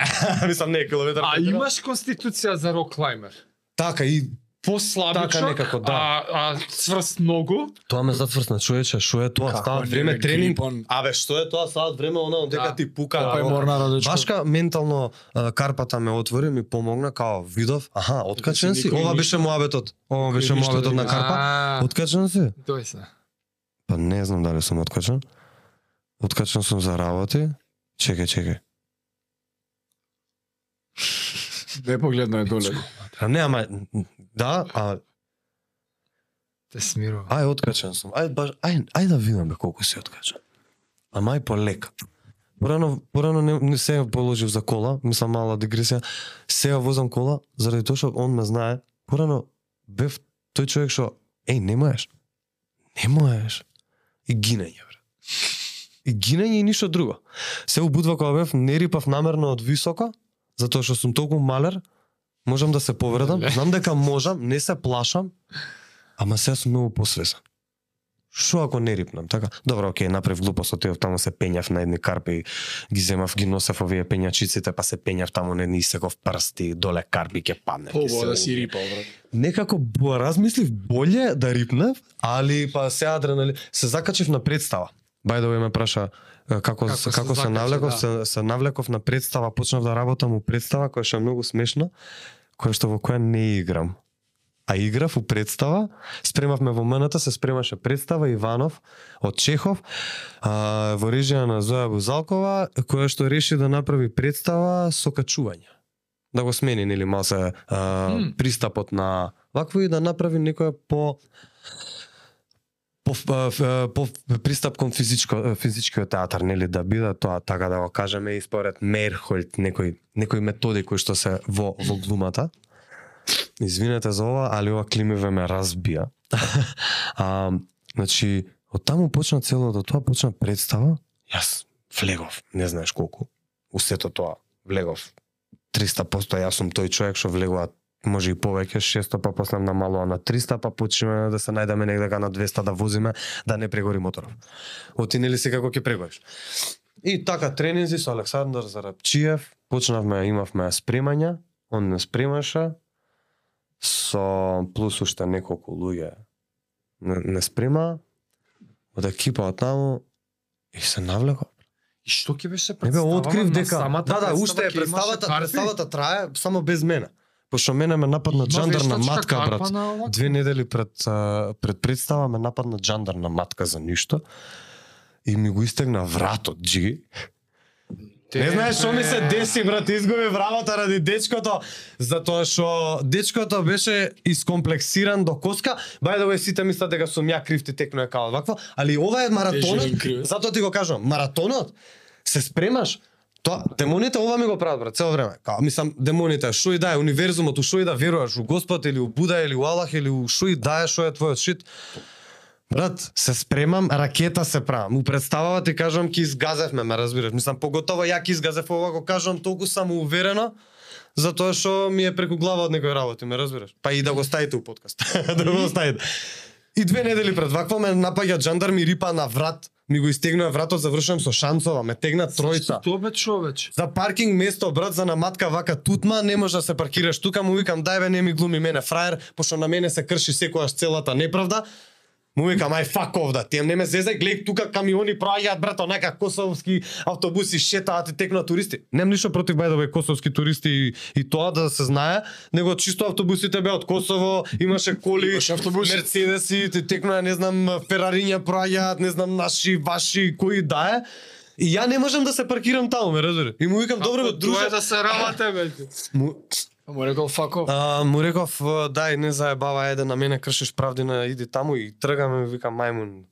Ама и тоа не на него директно вербално, ме разбираш као, ајде, off, ме разбираш. Сам off него реков, него тоа беше потекстот на ова. А. Као одјеби.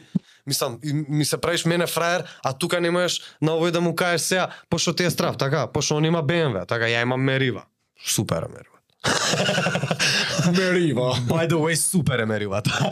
Ти текна, И што се зарава? И ми рипна на врат, брат, не се заревавме, ми рипна на врат, да ме дави, те текнува. Па, а, не, не направив од ова, ова, ова е, ова доста мојот живот акти, актуелно ми беше да текнува за кој што не направив никаков скандал, нели као познат. Тоа беше непосредно пред да му залепи оној пендрак у глава на ракометарот три дена. И многу за мене, скоро, да, брат, требаше да имам премиера. Мес, два месеци идам на клаймбинг. Жаре, идев на клаймбинг, животот го посветив, два месеци на клаймбинг, знам повеќе работи за клаймбинг се периодов него за глума, у моментот заборавам него, ме разбираш, мислам. Абе, тоа ти е Дури можам да кажам од, од луѓе што се качуваат цел живот, имам подобра техника веќе совладано, може звучам некако самоуверено ќе им биде чудно на луѓето, ама ми е гајле. Реков со таков менталитет ќе дам, да, бај да нели кога вежбаш те текна после многу време и кога се добиваш назад. Брзо ги фаќаш доверба. Не бе, добиваш само доверба. Зошто да не се осеќам дека можам да го правам тоа? Па на крајот од денот гледав луѓе таму доаѓаат и текна се мачи, секој ден иде. Има опрема, има све. Ама не може, него не му иде. А, брат, има завршив со шанцова кравата, брат. Изгубив а, премиера. Исто ко со маратонов. Значи, а почнам да се спремам и затоа не кажувам ништо. Да. Идам Без expectations, не, најавувај, Не. окей, тоа ќе ја те вратам малку на Да. на санатот. Ја пробувам така да научам од секој гости нешто и сега ти си у таа професија актерска. Ајде. Прашањето ми е како еволуира занатот низ годините? Значи самото актерство како професија, Така, како не знам театрите, технологии влагаат се повеќе улога, сега Тука има многу 10, еволуирано. Ама татко ти колку е Види, јас сум 10 професионално, Да, иначе 10 од дете гледам представи, нели, таму сум и ја увидов баш таа тој Ја таа транзиција. додавам некако твоите 10 на Ако, татко ти ако, супер. и да се Тоа е да речеме нели тоа фамилиарното стебло кое што ќе тера натаму. Ти си ми како сведок на некоја Јас сум професија ние што... како генерација сме еволуира. транзицијата. У смисол во театарот зошто? Технологијата, човече. Се уменат Да, имаш модули, не стиска таму Васе, стиска Коста, се дига сценава, брат, се прави спешат. Ова се случува у твојов Думаната брат кај нас у театар овие години. Значи, Да, да, ти го да, да, да, да, да, да, предходно имаш ти некој, на пример чигите у театар, у старите театри се врзани, доаѓа човек па со јаже 500 кила чига, Знаеш колку се спремни работниците у театар, брат? Коска се. Не се фит, али се луѓево, брате. Не сум знал така дека се викаат завесиве. А, Чига. чига не е завеса, тоа е суфита. Еве, на пример, терминологијата на заве... тоа е зборот за завесата од страната, од црното, се Добро. вика суфита, а суфитата е закачена на чига. Чигата е шипката која што горе на сајли окей, закачана, окей. па она сега се спушта. Пази сега што имаш. Ти имаш да речеме, види сега. А, се флексаме маце као театар. Ајде. А, значи, а, МНТ има чиги автоматски, така со дугме ги стиска, вака прави, так, и као се си миња чигава, овие ваму се мучат, разбираш, сиротињава. поплавува. Да, он поплавува, да, поплавува, поплавува, да, али да не ги дисантино ја тоа на затоа им кажав, им пишав, ај дечки, имам снимки од театар комедија брат кај што цури. Да не ги објавам ќе плачат. Тебе па ти театар комедија се шала, положи. се шала, се шала. Ставам да ти кажам, се флексаме за чигиве, се шала, не врска, за чигиве се флексаме. Он има чиги на јаже, брат. Тоа е еволуцијата. Пази, еден театар тука имаш со тотално електронски подковано, технички, лудило, извини, не електронски, техника лудило, неверојатно нешто, ротации, 800 рефлектора, ме разбираш? Тоа е еволуцијата денеска. Тоа е благодарение на некои луѓе а таму. самиот пристап на актерите кон работата. А еволуцијата, еволуцијата на еден актер може да биде во тоа што искуството, нели? И ќе еволуираш во тоа што ќе бидеш подобар партнер за другите. Знаеш, многу има многу срања партнери. Игра сам. Ја, Тоа ја, ја. као да игра фудбал и Меси сега, Меси, што ако е Меси која не подава, да. Сам ќе изиграш 10 пати, не Значи некој ниво на За мене еволуцијата, професионализам. да, стекнува, на пример искуство, не знам. банален пример ќе кажам, тоа многу луѓе го го, го кажува, не знам, ти паѓа сега Саатов на сцена, така. Си Непланирано. неискусен, непланирано ти паднал, така. Еве ли тебе ти паднал, да ти. И сега стои Саатов на сред сцена, така, тука, еве се у кастинго, у подкастов, така. И сега, нели, е, не ме глупо, па не, леле, не го земав, така, нели. Еволуцијата е во тоа дека ти ќе почнеш да се снаоѓаш во ситуацијата. Ти еволуираш како актер, ти ја владаеш ситуацијата. Играш играта. Значи не влагам, ја вака сум влагал. И здраво, и кажам текст, стрес, срце ти лупа, луѓе те гледа. Едва чекаш да Не, завршиш. Да, едва чекаш да излезеш. Така, сега си као, да, не не е Не може да те избркаат од сцена. Да, не сум толку уште его, може ќе станам, не сум до толку егоцентричен. А сум, али не сум до толку, као не сметам нели дека Може и поише. Може и поло, има и полоши од мене, а полоши актери се. Он по егоцентричен е по егото до небо, а тука му е глумата му е тука негдека. Мене барем ајде глумата ми е негдека држам неки ниво што би рекла Цеца. Пази се. Значи, и ти еволуираш како актер во тоа што, а, нели пред се еволуцијата во тоа што читаш повеќе книги, нели со самото тоа што работиш повеќе представи, имаш повеќе искуство, можеш да се снајдеш саатот, паднат, така. Ба узигра, ти зборам. Ај, види што се дешава, па тука зем надвор, ти го давам. Нема никакво no pressure, така. Ам, Пушташ фора усред пред. пушташ фора, ти падна саатот. Да речеме ако трпи, ако знае трпи, го и види тоа. ако трпи да, Иш. ако трпи да. Ако трпи да. Види, ја на пример се можам да ти кажам, искрено мразам импровизации заради тоа Јас што ја и ти. лайв, мислам дека ја фатив на ата на седна А, импровизација. тоа на се цар за такви во- работи. Ама не, не му се затвори вратата во стюардеси. Кога ја брка американката на почеток Добро, добро. и, и прави бај бај и вака и се врти и се мава вратата И се отвара. отвара Тоа пошто и вака да. и вака гледа и ја викам луѓе изгледа се еба работа и вака промаја и ја затвори. Добро, тоа се е. Е па тоа е искуството, тоа е еволуцијата, испаничи, ми- Јако е. Да. промаја. Е сега на пример импровиз... представата Да, има многу импровизации порано на времето, не знам правил. Сега нема толку кај нас во овие нови генерација да те сиебе нели со импровизација да те заебе као брат, сега ја и ти една шема ја учиме, така? Е, слушај, ја влагам од тука, кажувам текст. А, Ама не се врзувам ја за таа шема, јас лично. Пошто има колеги, ама ти мене чашата не ми ја стави тука. Е, тебе, има и тебе тоа. Мики тука ја стави в чашата, што се љутиш? Извини, као окей, уреду е, така. Сум јасно, јасно. изумил, така грешки се дешаваат. Ти сакаш да кажеш денешно време не ги поебуваат другиве со импровизација? Ја некако го доживувам тоа као сега мене ми дошло многу јако демек да ти кажам нешто тука да ја ќарам публиката и ќе ја пуцам. Ако Аха, трпи представата, трпи. она што било со Никола Ристановски кој излегол на вака А, и патува тој го гледа он. Ете, не знам за како тоа. паѓа некој ливче, тој има сцена треба влезе да каже да излезе. Да речеме, не знам, ја не го знам ова, не го знам, тоа ќе е. баш ќе се распрашам за таа да за таа ситуација, баш ме интересира или ќе ми ја кажа ако знаеш. А само да кажам на пример другото искуство, еволуцијата, работа со колеги, многу тешко. Така? Не можеш со секој, па денеска сум дошол, не му се чита на секој. Многу ти како човек ако не еволуираш брат, ништо не прави. Нема никој глумец. Ништо не правиме. Да, да, да. Баш тука имав едно друго прашање Ајде. дека спомна работа со други. Со кој друг актер или актерка, Добро? без разлика на ера и држава и кој да е, значи Да, жив или од мртов, каде, да? некој си со кој што би сакал Па- или се замислаш со кого би работил. Со Јаков Спасов. Сум играл, Со кој би го знам сакал да играш Имам игра на башка. Нам фора. Даниел Де Луис. О, вој што е Да, Оскаровец. Оскаровец. Три комада. Даниел Де Луис. И тој. Клекнувам, направи? клекнувам пред него, му викам, дружа, Дај ми одглумат. Пуштај, пуштај. Тој јас се појави у филм, филмот е Не знам, Оскар. тој не Оскар може- он добива од Линколн Може нема да домено, така? Знаеш зашо ми се свиѓа? Го прашуваат еднаш кога му викаат, "А, вие сте познат по тоа дека методологијата ваша, Не начинот на од работа не искачате од ликова, некога ќе ве видат таму. А, знаеш на тоа што се лужат лу- луѓето се ложат на таа некоја магија која што понекогаш не постои. Постои hard work. Така, тоа беше муабетот од преска слободата како ја добиваш. Дисциплина. Преку и дисциплината работа, и да. работа. Hard work, баби. Пам, пам, седнувам, работам, го знам на памет масичево. Па после можам да се заебавам и да сум у лик 300, брат.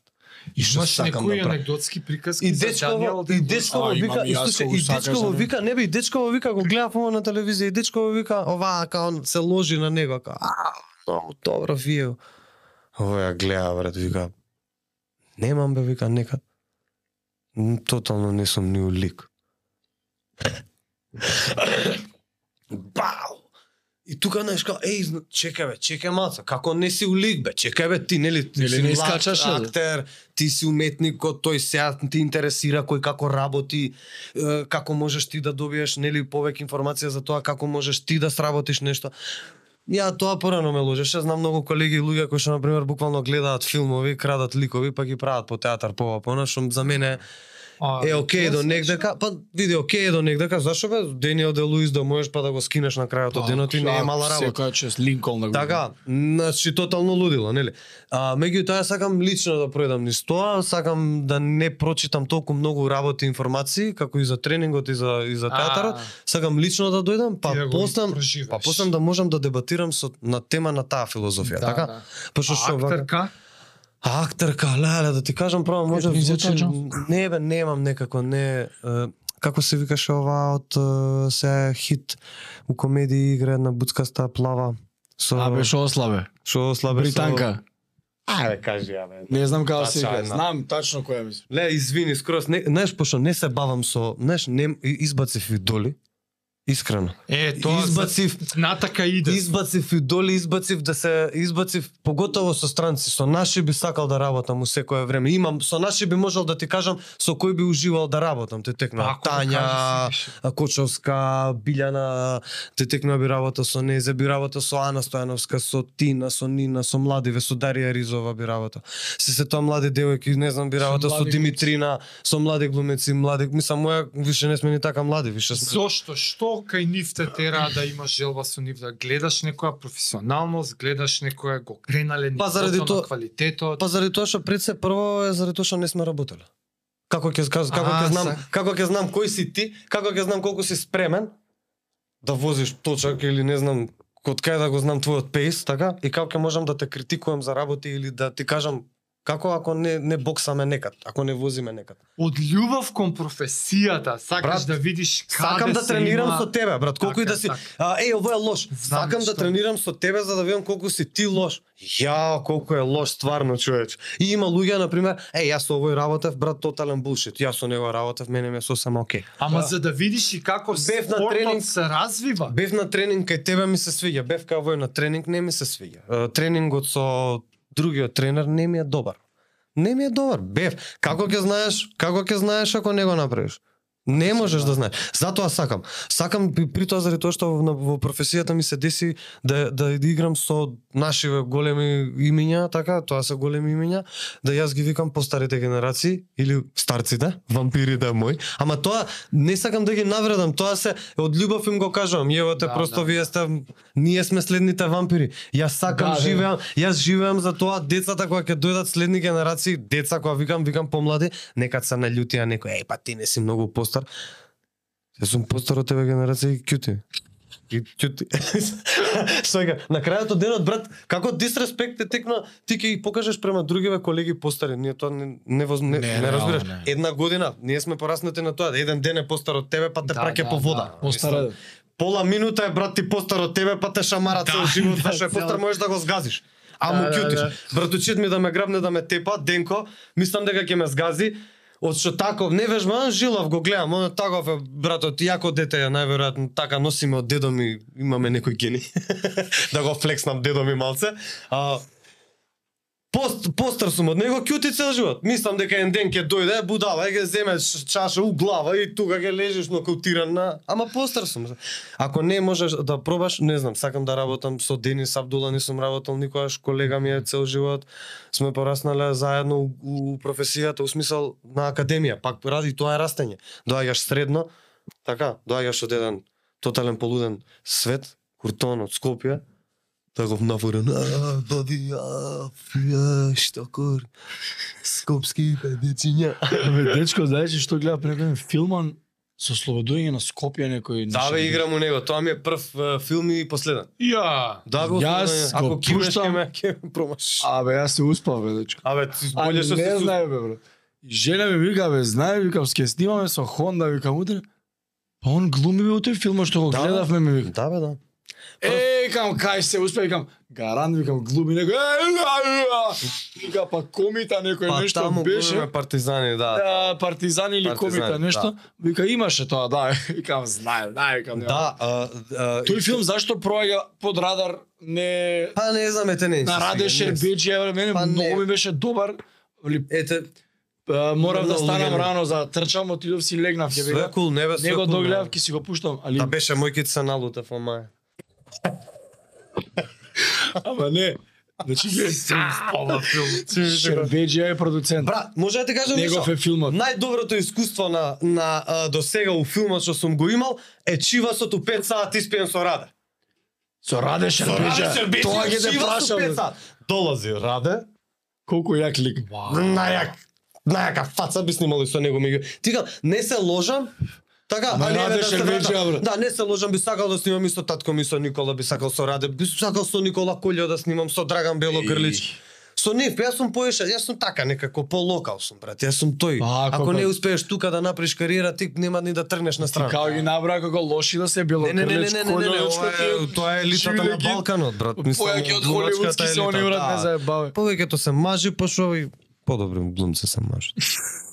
Ќе ме убијат, леле, у феминистичко време ме здробија, брат. Те се чува, се чува. На Рил. Да, ова да иде на Инстаграм. Не го водиме овој подкаст.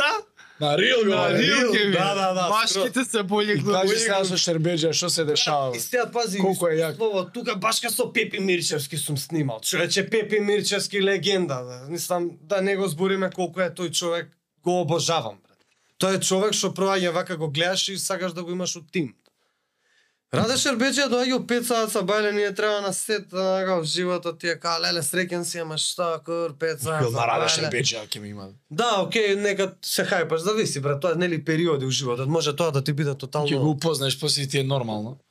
Не, не е до тоа толку нормално колку што ете, јас сум навикнат и сум гледал и познав да. големи ликови и сум навикнал на тоа да не се ложам те текна А. на тоа. Вистински така да го видам Денел Де Луис те текна стварно ке снесам јајца пичко поматра. Ама еве сега дека Дон Малковиќ бил у Скопје, па и не ми е нешто да ти имам. С татко ми беа се видоа со него да не испадне дека го дисам. Ама па видов и други луѓе се сликаат не знаат три филма од него, ме разбираш? Мислам само за тоа што е Џон Дека е Малковиќ. холивудски И ево те не се ложам, извини, поеше ќе се ложам на Ал Пачино, се ложам на пример на, на Роберт Де Ниро кој што се класика. Така, скоро се за шема. кој че да, мислам, не, не знам, тоа, тоа. И е, муабетот што беше? со Шербеджа. Со Шербиџе. Доаја една поштарска ташна, кожна, прелуда, некаква. Оние класика. Класика, Со да. Сценарија внатре. Ништо. Со Правда? ништо, со чивас. И чашки. А спремен. И влага. Не бе, пази, он влага, пошто сино не ли режираше таму, Данило мислам се каша, сино. И влага раде, влага тука на сет, која викам на отворено сме, ама се појавува, влаксла. Кај сте, шо сте, дечки, нели, поштовање. се. Перфектно збори македонски мислам. Да, не, мислам, не е ни проблем ти на шо и да збореше у тој период. Може и на српски, све. Луѓи, ова, дали може пред да почнеме, као пошто ние бевме први за денот, отварање едно, Символично, тоа не е рокање, не е љокање, јас тоа плюс сакам многу да го сменам у глумата, глумец, а? Се драксаш, пиеш, лом се правиш, Да, да, да, вена, одма алкохоличен, не бе спортиста сум, можам да те сгазам од навање. И плюс вицке ти кажам. а ќе те тепам. Ќе ќе ти биде тешко. И тој што е посилен од мене нема му биде така лесно. Сам глумци има доста спремни. Веше вежбаме, не сме луѓе, нема Се више менја, да, тоа, да, се да, менја да. времето, пази да не леташ на глумец. Треба Лего, да- Викторче, да, може. Ја испотив цела. Али Брат, ми се појавува Раде ми дава чивас ми става ко ти сега ба по 5 саат за мене тоа е искуство. Така, Како не бе брат? Да се отвориме за да, за сцената. Да. Вода, вода, чива. Вода, вода, чива, да. М. Човече, колку е лудо тоа? Кога следен пат ќе се напиеш без со Раде на сет? Толку, никак. Толку никад, може ти ќе пиеш, може ќе идеш у кафана, ама не на сет. Облечен, као Работиш некој на истиот филм со Раде 70-те, Шарбеджијан. текнува на да, па он ти дава индикација. Сосема, сосема, сосема, сосема одлично искуство. Највеќе, највеќе ти кажувам, г- на сите им го раскажувам, ова е пијачката со Раде у 5 саат са бајле чивасот, брат, хајп, невиден. Колку Вау! луѓе може со тоа да го да имаат Не, тоа за мене, за мене тоа е. како приказка. Нема дале. Не разбира, за мене е тоа, еј, не знам, не седавме цела вечер и не заглавивме, али са бајлето се погледнавме, ми намигна и ми дае чивас. Јас сум пишал тука некое прашање као Dream Project. У. Се ова целово искуство со Рада ми звучи како како Македонска тоа да сум те прашал, А, ама имам ама Dream така Project. по хипотетички, по така По дип може да биде што би било јас. некој Dream Project. Јас, јас, Honda, Александар. Јас сум си Dream Project, у смисла, а, у, смисла на тоа дека се гледам себе си како еден сега веќе како производ, како продукт. До кој што би можел јас да профитирам, нели? И А, тоа подразбира представа, монодрама, сам. Тоа подразбира да се пробам во брз 20 кец. Во подкаст се Сати, води. а 30. тоа ти е. Ти Подкаст, стендап, Саки. Инстаграм. Стендап немаш ни еден, така? Немам, се Спремаш, се пишуваш? спремам, се спремам, сакам да го направам тоа. Боца ми е една многу Бојан Кирковски ми е една многу голем пуш од позади на пар муабети со него.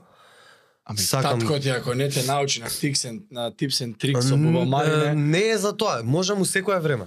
Да отидам да ми напише, имаш- на пример, не да ти напише, не да ти Сакам да ти кажам, може и да ми напише. Не се пробам. Не, не, не, сум не, у не. таа фаза уште. Сега уште сум. Сега поише сум према спортот. На, Да, на треба да за црпиш од се- својот живот материјал. Јас, Не да имаме, знаеш, причи за тоа 200.000, викам да- 300.000 говна можеме да кажеме. А али знаеш како? Али имаш Тоа ми би тоа ми е патека следниот. за- Dream Projectот ми е јас, работа на себе. работа на себе, така се вика, да, може не знам, работа на себе е Себе од надградување. себе надградување или себе осознавање од почеток. Мгм. За да се осознавам вистински кој сум од почеток. Како мал старт во тоа Ајде. спо, само осознавање На това поле. на полето актерство. Спомнавме преска, нели, овој Даниел бил а, метод актер, Да, Не знам, овој бил вако, онако. за прашањево најверојатно ќе треба и мала лекција да ни одржиш технички термини, терминологија што како, за да ни доловиш прашањето како фактор си ти. Безобразен. Е сега, ама Да. знаеш од аспект на на Да, на која е науката слеш Која е уметноста наречена Слеш, актерство, на таа седма да. уметност ли која е, Да. како фактор си ти? И сега најверојатно ќе треба да ни дообјасниш пред да почнеш да објасниш. Не си методикал, ама и постои вако. Па може да кажам дека сум метод актер, сигурно, пошто сум завршено кај Милчин. И една од причините, едно сам една од методите и начините негови е тоа секогаш да проаѓа нели вистински кроз тебе и од онутра. И се имаш повеќе техники, нели некогаш неколку се не се нешто многу, али имаш некој нели едната е да речеме од внатре кон надвор и другата од надвор кон внатре, така. Тоа значи од надвор кон внатре сега последно правевме работилница една таква дека нели преку физичкото, преку исцрпувањето доаѓаш до она вистинското емотивното, така.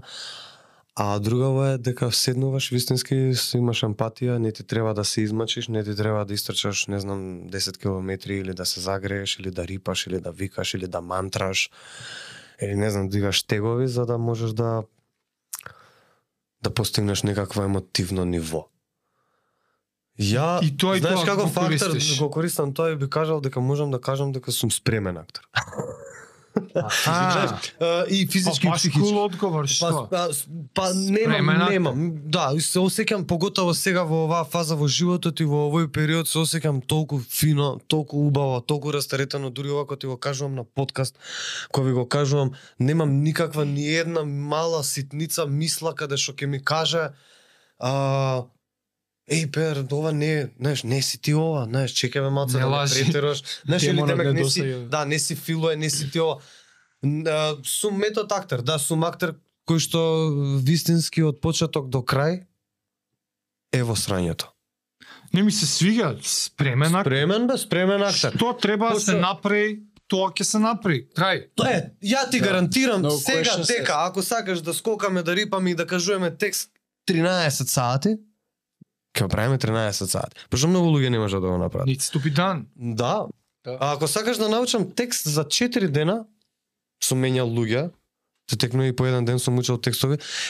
Последно имав да сменам цел, колега во цела представа, која што немавме проби, сам учев дома све, гледав све на Да. телевизија, на од телефонот, на вакво, на 4-5 страници само еден монолог, па други уште 11 сцени. Сето тоа го научив за, за неполна недела, за 5 дена. Немав ни еднашка проба со светло со све. Отидовме во Турска и таму Уј. и таму прв пат ја игравме представата. При тоа, при тоа Стеф, поздрав, Стефанова го знае. а, многу луѓе поздрав на кастингов, ама нема врска Кастинг. као а, на, на, На подкастов, леле на кастинг, на подкастов, на кастингов, најак. А дека актери, подкаст, биде кастинг. подкаст, А стварно е. Ете ти име за подкаст, подкастинг, дечко. нешто е врзано. Подкастинг, еј, чекај мац. Боја каша, и да ова у ноц. Под Чисто- срдичка кастинг ќе се вика Од- подкастот. Тоа е тоа и со стариот. Под Јако. Браво! Тинг. Ви благодарам. Еве да видите, чисто го запишав да не биде. Први гости. Први гости се знае байкерот и кросфитерот. и ќе правиш кастинг. Први гости се знае, Никола што. Да. Ти доаѓаат гости им правиш кастинг. Да бе, супер. Не, имав идеја една за на вакво, имам емисија почната за точаци, имам доста многу вакво преска се зборавме дока дури вие снимавте. А, имам доста работи кои што сакам да ги направам. Меѓутоа што зборавме? А, ова со со со спремнал, со спремниве, беше со глумциве, да. Не секој може да го направи тоа. Не секој може да биде спремен психички и физички да влезе у оген. Да, не они тоа мислат на дека можат, не, они мислат дека можат, тоа исто како ја пред да почнам да вежбам кросфит, те гледам тебе, го гледам Гоца, те текнувам, многу ми е јако. Мене ми беше, он, не, може не знаете, текнувам, ми беше доста време мотивација. Не знае. Не, знаеш, пошто не сме луѓе кои што збориме кажам. ти текнува за за за работи. На пример, Гоца го знам толку време, тебе те знам толку време. Го пратам на Инстаграм, така сум го пратал на Фейсбук, сум го гледал надвор на улица, вежба, изгледа здраво човече, онака изгледа мускул, онака маж. Си кажеш, да, сакам, може не сакам да изгледам така набацано, али сакам да го постигнам тоа, да можам да ги кренам и ја тие тоа. Тело. Тоа е тоа е мотивацијата, тоа сакам да бидам и ја најверојатно некоја мотивација за луѓето, искрено. М, Затоа имам мотивација. Немам идоли, имам луѓе што ме мотивираат. Да. Е, Ама он е еден од тие. имаш приказ на сега full circle. Да, сега со ова сум не знаеш онака сега и сакам што сум таков, бе сакам што ме фаќа. Порано не ќе феј, демек не не не, вака така не не не. Што да те фаќа? Демек ме фаќа хајпот, па тренирам, тренирам бе 6 месеци здраво, Да, тренирам бе. после не, ама ми останува сум научил нешто, 6 месеци е сосема окей период, нели? Како и да. Не те убоде тоа што ќе те задржи. Да, како и да е темата. А овај а, беше дека а, Кастинг. кастингов. Значи, а, не, не, не, не е кастингов, ова сега што го зборавме со ваквото за со глумциве, дека не се спремни и дека сакаат да. турска. Тоа е стрес, чуеш, и тоа е мојата еволуција. После тоа си посилен, брат. Да, бе. После тоа. Прашањава Сање- кружат, вртат, Ако мислам. бе, ако. Нема врска. Не- Ти кај нас стално е така. Ама супер, Тоа- не, не, тоа те, под- онака да не ти подкастинг. кажам као за прв кастинг, мојот е супер. Тоа е подкастинг. Да, да, да. Прав за- подкастинг за- за- правиме Ќе сега. викам, за, ќе викам за кастинг. Ово, мојот кастинг, ово, мојот прв кастинг е супер. Мојот каст. Мојот каст, да, така. Значи, човече, Турска и при тоа јас сум дупка у пеење, Стефан го поздравив, тоа за да го кажам, Стефан го поздравив, Стефан на микрофон. Фејкаме дека пееме, брат. Ја. Он пее, а Он ти пее отвараш. лайв. А ти ова таму, а ја ова глумам, а он таму у темното, не сме ни договорени. Пошто брат, на лице место е срањето, така? Брат, ова е ситуацијата. И сега сваќаш дека, на пример, тоа сум сватил дека таа екипа, да речеме, од, од таа екипа тој човек Мгм. е мадафака, брат. Зашо? Зашо он? Зема, ја водеше представата, излезе со микрофонот, ме пратеше мене како пеам, па правиш Сега се најажев, мислам, не е и он отишол до ниво. Не, не, не, Тандем. не, заедно отидовме до ниво каде што не ни се десило. При тоа колегиве ти текнаа по Ова е импровизација. Тоа е појако, ова е појако брате од било која импровизација, А фристайлање, не фристайлање, него ти си пуштен сега у ратното поле. Е сега, Сноги. за еден човек обичен кој што не се бави со ова. Мислам, и јас сум обичен човек, не сме ние као необични луѓе, него за еден човек што не се бави Не со ова. актер. Не Не се актер. дневна професија. Со, со, со, да, со дели, дели джап онаква, да? А, за него тоа е шо, глупости, тоа, не, тоа не можеш да го видиш стресот. Например, мене ми се слоши п, 20 минути пред представата, ама ми се слоши. Кога ти кажувам ми се слоши, ми се слоши, паднав у несвес. Легнав и не можев да дишам. Почнав да трокирам со, со кока-кола. Нема од возбуда. Брат, што? не знаеш, седум дена, брат, седум дена дома сам, ти текстот нема луѓе и искачам и сега се среќаваме, брат. Ау. Не знам како да ти го доловам као Ти се вртат сценарија на Возиш дома, слушај, седнат си дома, точекот ти е монтиран, така? Треба да возиш а, го менјаш у тим, го менјаш возат тројца, го менјаш вториот у тим. Тој што е, не знам сега еве да речеме, тој што е вториот лидер. Тој што треба да иде позади лидерот за третиот да, у да. третата етапа да излезе прв. Така? И ти викаат вози дома, ама нема стазата. Ама ти вози. А колку? 25 километри треба шпринт. Постам тука имаш узбрдо, па имаш надоле, па после имаш 10 шпринт пак мораш да возиш, па тука чилаш, ама немаш мапа. Имаш ти тука напишано ти текна, Ама немаш, гледаш, ти нешто правиш, ама немаш, немаш, не си на теренот. Нема јасен пат. Ти гледаш како овие виртуелно, не е исто, исто, не возиш на ова Тур де Франс и гледа на мониторот Да, и бе, тука знам, нема, да. не лежиш, не си у кривина, така он вози, тука кривината Друг е до доаѓа, тебе. абе друг е до тебе, ти диша, тој тука не. Ти возиш и ти мислата ти ле ле ле ле ле. Цел живот вежбам за ова, ќе ме претрка, цел живот за ова ли? Ме разбира? И ти се искачаш вика цел живот за ова учев. Значи, а, имам имам посерување. да брат до посерување онака текстот дали ќе го кажеш, ме разбираш, мислам срце да ти лупа. Абе, абе стрес. Ама у моментот кога почна ресет. Не знам. Ништо не постои. Нема, не. Ма ја нема трема више. Крај. Не, брат. Не постои публика. Тоа ги одделува професионалците од аматеријата. Според мене. Та брат за ова вежбаме брат. Тешко ме беше 7 дена. Ама јас предходно во животот па за ова сум сакал да се спремам. Да. Може би сум и малце така садомазохистички настроен, па и ми се свиѓа тој драйв. Да драйв онака. Тоа е дрило, ти текна. Дај ми неќу месец дена процес, многу е месец дена, ќе се изгубиме во целото тоа. Читаме, правиме, па сега филозофираат они тука, овој од тука дошол, па што сакаше да му каже со ова. Може ништо не ќе да му каже. Бе, ете имам некад попроста филозофија, таа идеја околу тоа дека нели све, Све е магично, нешто, да, не, да дека биде. све е магично, мистично. А, дека Чехов е, е да Максим. Горки сакал со ова да каже Шекспир сакал да кажеш Шекспир, ако земеш таму да прочиташ дека пушал марихуана и опијати правел му нашле нели у лулето има едно истражување дека во лулето на Шекспир нашле остатоци Да. од од психоделични субстанци. Губел, се да. нарокал, седнал да пишува и немал никаква може идеја, само добро го склопил тоа, Шерем така? земал да се биде. и- Тоа тоа ми е тоа ми е тоа ми е хајпот, тоа ми е вакво моментот од Даниел Дей Луис. Брат, може некад нема филозофија, брат. Да, едноставно е тоа. Тоа е филозофијата дека нема Да, филозофија, да, да, дека да. има life happening right now. Да, Животот Така. сега во моментот ти се случува. Тоа е бе филозофија, што Тоа, повеќе тачно, сакаш од да. тоа. Што кој сакаш повеќе да- Што Да, да, повеќе да, сакаш да, од тоа. да, да. Например, седни, размисли така што ти се дешава у животот, 200.000 страња си се скарал дома, земи најди ја сцената каде што таму тој е разочаран од животот, ете ја смислата. Седам и го слушам докторот каде што кажува како он разочаран од животот или нешто не му се погодило, те текнува како што он сака и ти тука така со живош со тоа. Тоа е нема ама затоа ти реков, тоа рактер или вакво е тој човек што зима емпатија, што може да се соживее со работата Пошто џабе ти е, ти можеш 200.000 пати да бидеш да бидеш спремен да да учиш да вакво, ама ако дојде вистинскиот момент да паднеш под притисок, така? и да не знаеш што. И тогаш кога не знаеш што не е страшно, така? Не е Да, да. страшно брат да не знаеш каде. Страшно е да не икеш да продолжиш. Да.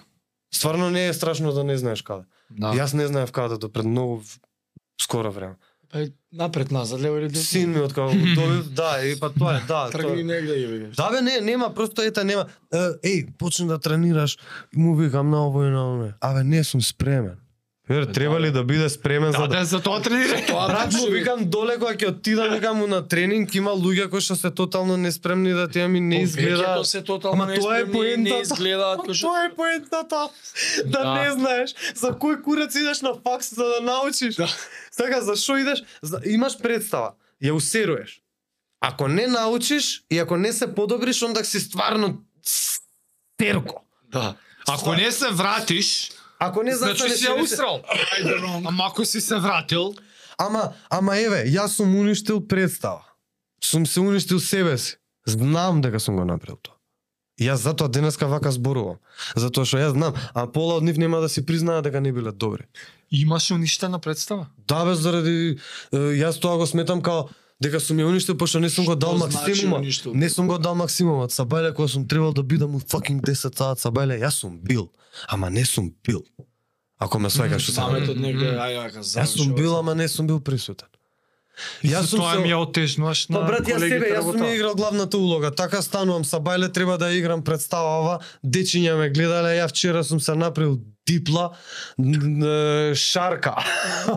и сега ти стануеш, мислам ова реално се може ке тоа судат луѓе ќе речат ова, е, ама ти извако. Брат, барем го признавам, признавам Да, се. да, па Еве вака збориме. јавно да излезат луѓе да ме осудат, осудете ме слободно после ова. 8 mile them. Така, Се испострав дечко, што Да. ќе кажеш сега? тоа е. Гледај. И сега И, И сваќам и викам, И шо? ако за нешто ми е криво, ми е криво заради тоа што во професијата, заради тоа што ја немав дисциплината денеска што ја имам За тоа. за слободата. Пошто ја немав слободата, а мислев дека така сум слободен. М, Мислев дека сум откачан, тој се на сите им го зборам. Без контрол. вие сакате дека си играл Не, не ми знаеш карактер дека сме ретардирани. Не бе Хонда го тераш, не бе тој од средно. Тој што така, лудак. Тој е еден човек што сака да хихи. хихири хахара, crazy man, така е, хајпер, тука си за сите луѓе. Ајде, ваму, Ајде, ваму, вау. се тепаме, таму се те тепаме, да, идеме, идеме, да. пиеме, пушиме, правиме све до сабајле, до последните Трета пар. мотивациони зборови ми беа седиш до 4 саат, ќе го качиш брдово па што сага нека би. Ама не, ама. Абе, лази. Ако треба лази. Не разбира. Што значи е, тоа? Така, тоа значи дека брат, како да ти кажам, че ти си спремен си. Просто на на све. Не разбираш? Спремен си на све. На што и да се деси, треба да бидеш Да одговориш. не? да одговориш, да си да си спремен, да можеш да да идеш дале, така. Пошто така нема кај да идеш. Можеме од за татко ти ја правиме? Нема проблем слободно. Ама не Да, да, да. да. само за него, поише не знам да ни доловиш односите какви би биле низ годините. Се он актер, Еве јас ќе ти кажам. ти знаеш ти некако Една средба. ете си се нашол во истата професија. Не знам, доловини какви ви се односите, зборите за актерство нон-стоп, не зборите, го прашуваш, ти да, помага, не ти знаем. помага, знаеш, како ви се... Многу, Татко и син, ама и двајцата актери, многу ме интересира многу каква јако. е таа Ја динамика. искрено да, може би. Сега е јако. Да, види, знаеш како? А ја имам од средно една. Ајде, ајде, ајде кажи ќе ти кажам ја, имам. Трета средно, ја и Хонда, имаше 9 кеца, мислам, ја 7. Еј, ти текнува, имавме и по 12. Да. Девет беше у Кој пропалици, прав, Абе, подкастинг, Абе, оста, ја... реално. Оста, абе, оста. Катастрофа. Тоа си кисч. Слободно. Што треба да вакво? Да препаркирам. А, трета средно мај. Јас 7, он 9 кеца. И позади а, театарот тука нели би- било бистрото. да. Да, и он- што е... Избегани од часови негде, ова, проаѓаме. О, кај си бе? Е, тато што прави, ова? Ајде да ви кажам еден виц, не се сеќавам кој е пресмешно мочам од Ве смеј. начекува татко му. Да, Да, у да. бистрото, тука ние у Јосиф Брос учиме. Добро. Мај, Знае дека 10 треба јуни да школа. завршува. Ова го излажа прва втора смена, тука добро пројдов. Еј, не, не, И не, да, е школа. копилјати, а, го кажува, се мочаме од смеј, хахара хикери, да. Абе, мочко, колку кеца рече дека имаш? Он 9. Еден тој хемија. Еден. Фаќање вака за глава, знаеш дека ќе те убијам ако имаш кецу. Ја вака викам што кур се Да. дешава. Кај добро бе, да еден, ама нема време. Она си ќе те згазам му. Ја викам што? Мочко 9 имаш. Доста Да. престани, не ајде го најде. Да, да, да. Што ќе правиме бе, мајсторе, не знам. Седом ќе ништо ќе молиме, викам. Молевме, колевме, учевме, ти тегна се беше, купуваа, се купува работи. Види, Полагање со се види, знаеш што ќе ти кажам на дека тема тоа преда? на еден кец како изрекам, па ти да кажеш е 9 дечко. Кај се убиеше, петкашите? бе. Мене ме интересира кај се петкашите. Што дава Не, не, бе, Колку знаеш, ти ги знаеш на прсти се бројат што се успешни. Петкаши пола ако биле биле ради тоа што татко му имала фирмиште. Да, да, на Направил го да. терале да бркаат. Кај се тие вистински петкашите што беа одличните? Работат у некоја фирма за мизерна плата, се бори за вакво. Ние во секогаш бевме ау- outside of the box. Чекај, што сега оваа случка кажува за татко ти и А, вашиот однос А, под а, на пример, е он така го доживел. Јас го беше- дека средно бил строг. Сега секогаш- мислам дека им е не, не, полабав секогаш бил лабав, меѓутоа за школа, за школа и мајка ми и татко ми можам да кажам за школа дека од секогаш биле строги. А вака се друго викаш лабав. Леле, Како, брат, значи лабав у смисол доаѓаш дома и му кажуваш тато, не знам, за први сексуални искуства до први искуства за алкохол, друга. Ти споделуваш. Да, нешто што едно дете не може брат да го. Е, лабав тоа однос, кажува татко ти те нешто. зима, до, на пример татко ти те зима и ти вика дојде да се купиме работи, бирај што сакаш. Пази, се, пази, пази се. Од е, тотално мајка ти те зима и, и дури родител не те ни татко не те ни носи. Јас сум дете на разведени родители, меѓутоа моите никогаш не ми направиле. Порано тамо доживував такви стресови, знаеш која, ама околината ти го прави тоа. Разведени родители. А. На дете во хиперактивно. Ја брате сум бил уствари хиперактивен. Не бе, вие сте ментални. Ме разбираш? Кој е ментален? Таа една представа има случката со кучето во нокта. Драмски. Многу добра. Мислам има многу добра поента. За аутистично за дете, запиши ја да ќе ја гледат од септември, ќе кажам, стварно е добра. Кучето во нокта. А, случката со кучето во нокта. Така мислам дека се викаше, извинете ако јас грешев. Ама ќе ја провериме после за сигурно. За дете во со аутизам, човече. И сега покажува една општество каде што кој е поретардиран, мислам, кој е поаутистичен, овие ретардирани во дека што се нормални или дете во со аутизам? Аха, аха. Кој е кој кој кој која има Што е репер? диагнозата? Што е реперот вако? Може аутистичниот човек е вистина у сосема кул свет. Ние сме тие што сме аутистични. Да. Да, да, разбираш? да, да. Не се децава, ме свегаш, не, не или човеков. Ме свегаш, не, не, не сме... Како да ти кажам, луѓето те доживуваат како што они сакаат. Како што мисла дека ти треба да бидеш. ти треба да бидеш, да. нели? Татко ми ми ја даде таа слобода, на пример, да одберам. Мајка ми ми дала слобода исто за други работи, меѓутоа мајка се плашала цел живот, бандит, детево да не биде уличар, Проблематично, да. проблематично дома полиција, секој втора недела. А што дал татко ти слобода да Слобода, за облакање ти зборам. Аха. Идеме у град, земи што сакаш. Знаеш ти која е таа слобода? Знаеш ти која е таа слобода да му кажеш на татко ти, не знам, на 15 години се наприш мангу, бевме вчера, се степавме, пиевме, правевме и татко ти да не те изруга. Текне, а, Ја, но. те текне.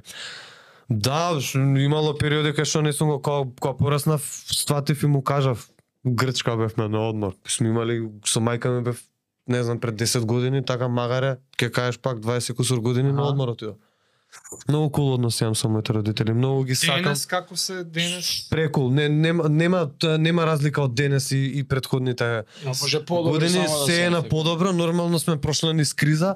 Ја чекам таа криза со мојот син кога ќе порасне, кога ќе застане пред мене и ќе каже старе, окей. Така, нели?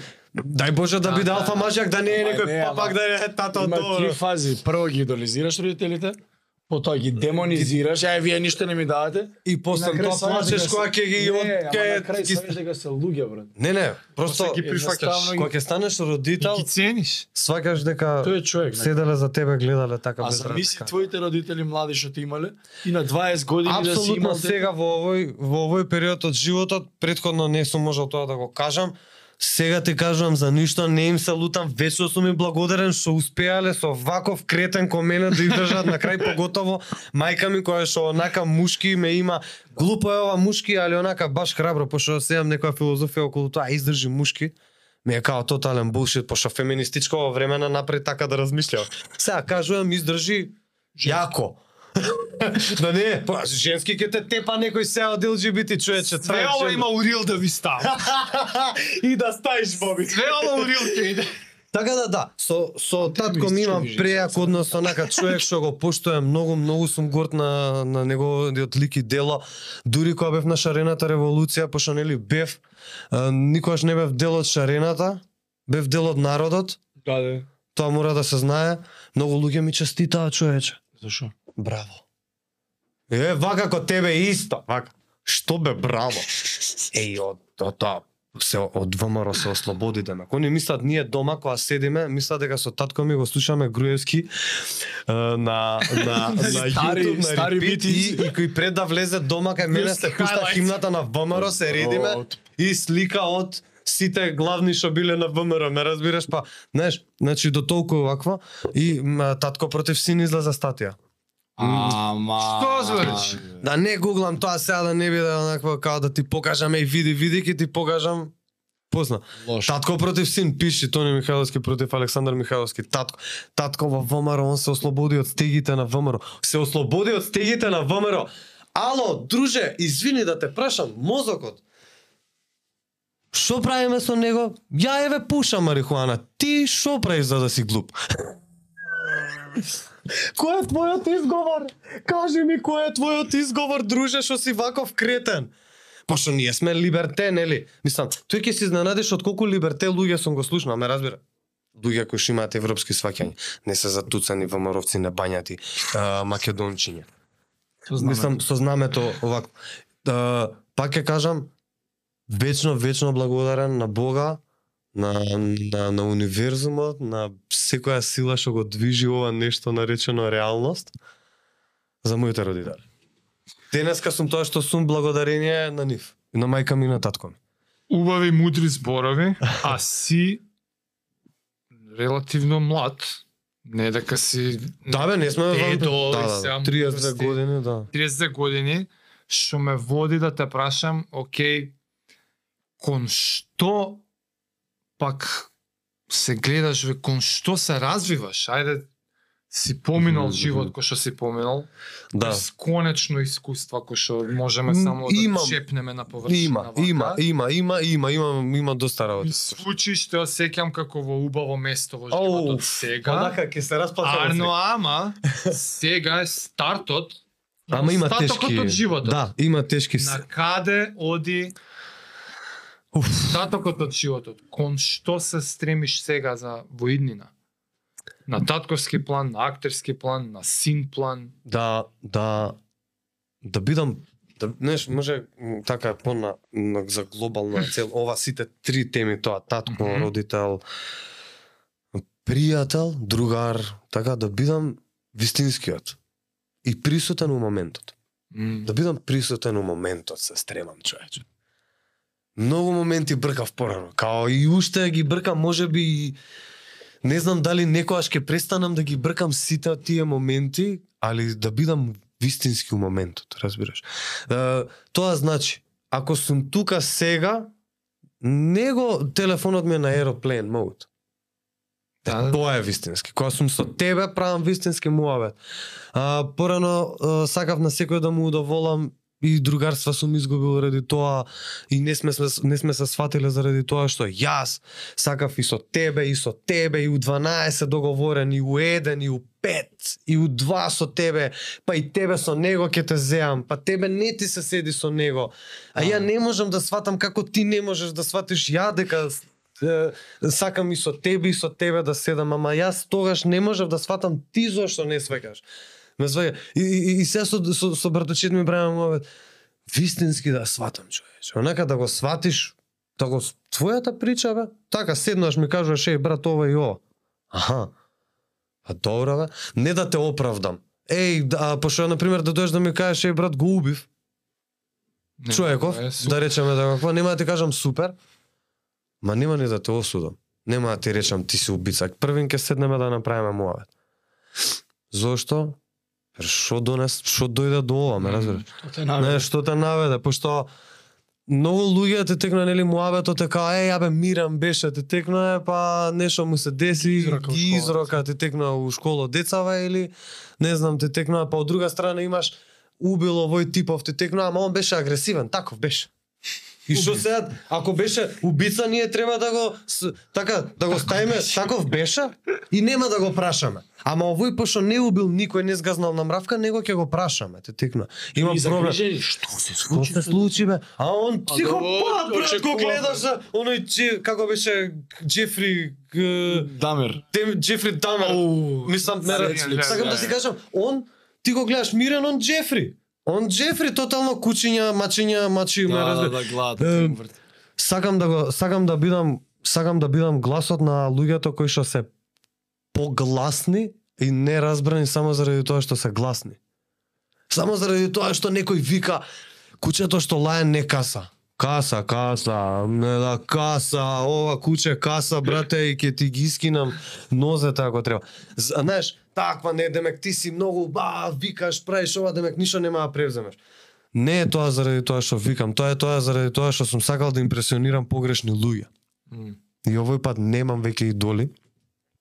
Сакам да му бидам а, на син ми, да му бидам онака, е тоа сакам да го постигнам, она да вика као не, ја му кажав, дури онака смешно му викам, тато извини, не сум супер херој, кој ќе пораснеш, ќе сватиш дека сум многу слаб, екшели, ти теклува дека не сум јак. дека некој ќе дое ќе ме сгази реално некој што тренира биџиџи и миџиџи некој рвање да фати ти дека три пати од глава ќе те ќе те рокне нека каратиста тука кикбокс. Ме, сакам него да му бидам. Пример, идол. Пример бе, нај најјакото сакам него да му бидам. Мер тоа викнам татко ми. ќе го викнам татко ми и да и за него ќе дојдам без јас исто исто, исто сум го правел, разбираш, ќе викнам татко ми затоа што има и филозофија, зошто да ги мешаш другарите у твоите срања, кога може татко ти да те одбрани. Најфер Аха, чисто. Пошто по, сме имале то, тотално 200.000 ситуации. Некад сум морал да го викнам и стариот, не разбираш. Јеби га, ај, пичка се. Брат, пичка, не да- пичка. Имам нож, со носам нож ножеви, тука позади. Например, тука носам да. нож, тука носам флаша, ти знаеш, животот ми беше на конец. Со бре кјајки, тепачки глупости. Ден, денеска, например, ликот кој шо, например, денеска ликот кој што ме има избодено, го знаат многу луѓе, да не му правиме се реклама гратис, а, немам ништо. Немам никаква, не знаеш колку не осеќам гнев према него. Абе не знаеш, сум сакал да го да не зборам, ајде да ќе отидам у полиција ќе ме Сум сакал не знаеш што да му направам и А му, му имаш простено, абе простено со на со Да на татко ми не му кажав те текнаа 4 дена, зашто знаев што ќе се деси нормално за дете. Со така молење да не да не Како го да дојде до до Стеа, таа- на пример, поишек не имам према ова, ова ситуација со со полицајецов што се деси, што ми е птен таза, а и башка е неправда, значи тотална неправда. Ова што те Со полицајци. Не, башка изгубив работа, башка се. Ваму си го барав. Се тепавме, се правевме, сакаш да се тепаш, друже, фино, лепо ќе јадеш. Тоа Некад ќе најаваш. ќе најбеш добро, после тоа се тепав или кога ќе влезе у, у туча немаше фер. Тоа. Чаша, чаша, флаша, флаша. Тоа е вака отворено збориме, мислам, може да звучи за некого, е, да, сега сум, како, про- како, како? То со тоа што решив да, да го добив син ми.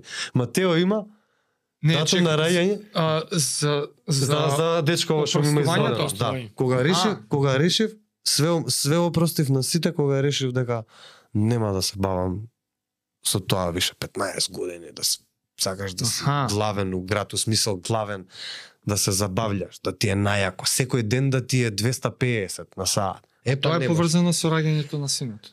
Тоа е поврзува, тоа е поврзано со тоа раѓањето на на на, на Матео, тоа што со Ангела го добивме Матео, е една од најголемите причини да речам, оке, дечки, Јас. јас се повлекувам од ова, Мало и поважни работи. е, смислата на животот, на пример. Да. Смислата, на, Рецимо, смислата рецимо. на животот не е твојот живот. Стварно не е твојот живот. Да, да. Смислата на животот е животот на другото битие, што ќе го донесеш на овој свет. И и ќе останеш мада фака до крај за него, брат. Не постои, брат, не постои ништо, брат. Матео е тоа. Матео па после ми има пирамида. Значи Матео па сите у фамилија, жена ми и родители и братучеди, ама е, па, ова све паѓа у вода. Така и за нејзин. Он е на врвот. Знаеш, ми се рекла, нема љутиш, јебате. Утре и да, да не не биде, нема, он е тој, он е тој. Матео има многу јак број на раѓање, 27.2017 во нумерологијата 777 се смета за ангелскиот број. Аха. И тоа најчесто значи дека некој ти текнува ке ако го им, нели ка, тој број ако ти се појави, го гледаш, ке видиш Revelation. а, ќе дојдат ангелите на, на, ќе дојде твојот. Твој, твојот А може спасител. би дошол ангел. стварно го гледам. Не, не, он е А, мојот кој што гледам. спасител, мојот спасител, при тоа што детето нели има сега 6 години, јас во првите година и пол две имав сериозни турбуленции што приватно нели во животот што ти се случуваат работи и што на план како актер на професионален план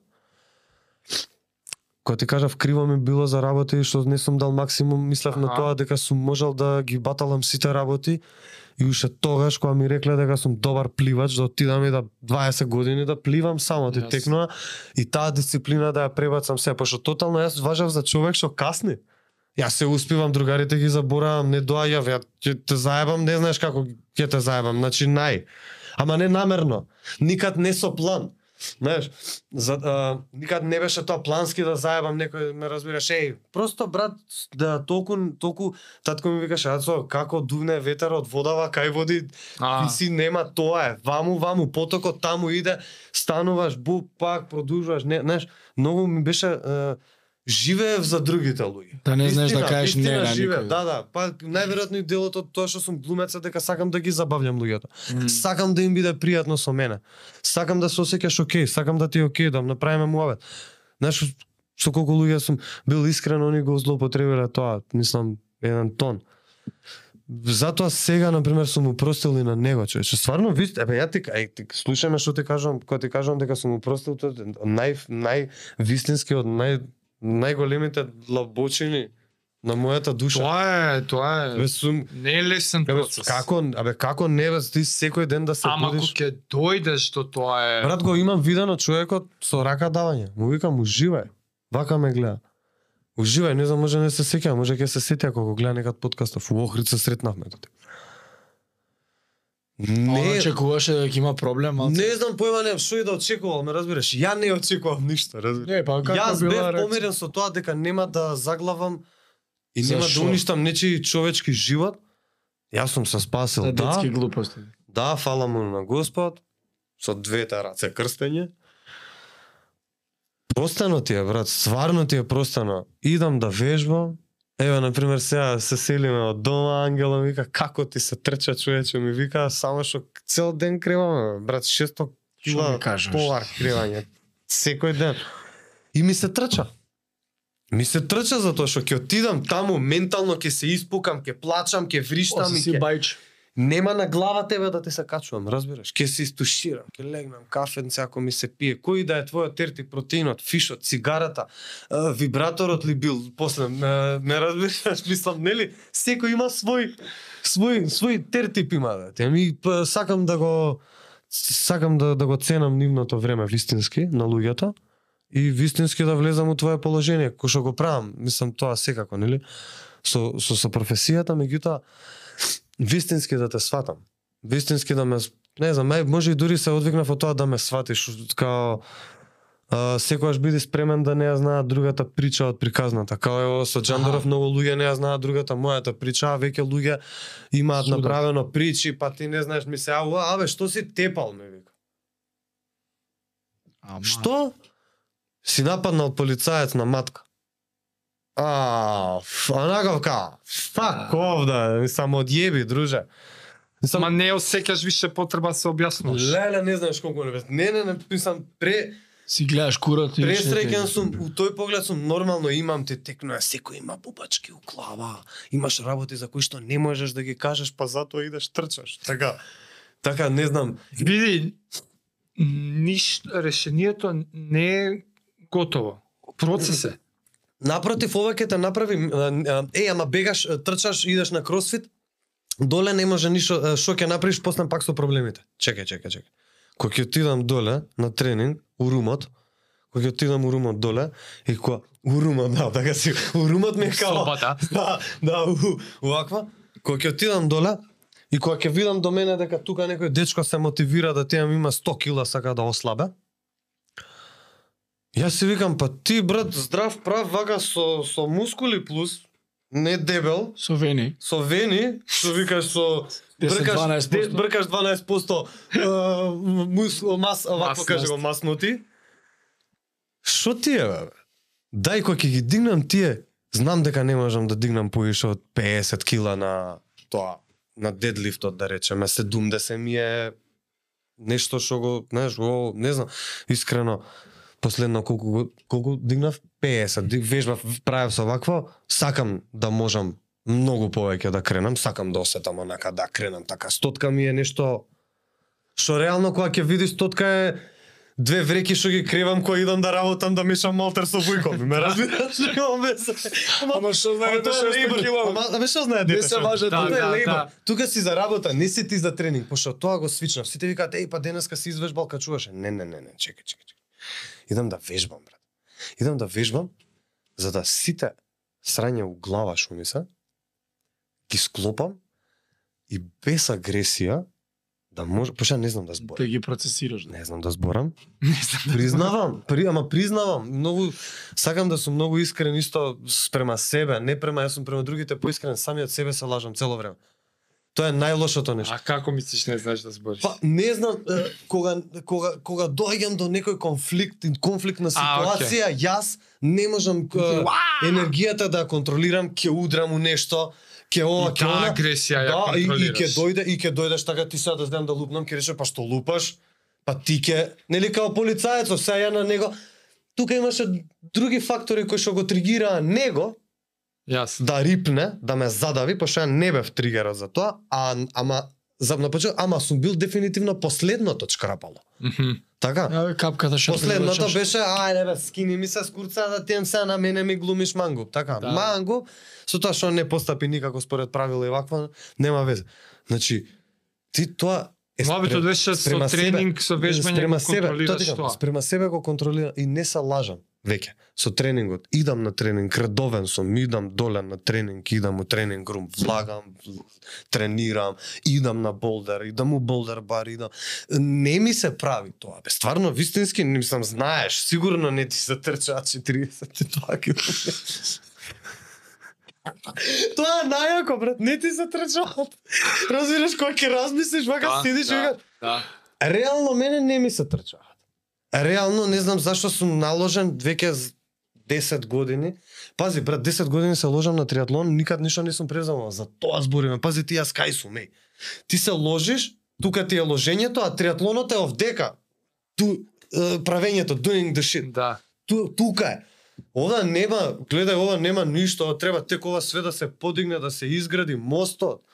Што и да ти помага?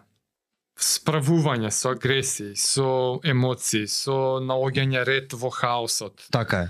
Дали ти е јасно дека е тоа доживотен процес? Да, да, да, да, да. А, Дека нема прекин со ова. тоа Нема еј работи 6 месеци и решено демоните ми се решени. Не, не, Демоните се Ма, тука какви демо... развалјуju ga демони бато, мислам. и ова е до Демоните крај stay. Да, ова е до крајот на животот, поготово кога ќе си набацаш последици од претходниот живот што си го живеел. И а, не е како некој скупување да текнува за работите, него вистинскиот јас. Ова сум вистинскиот јас. Јас не сум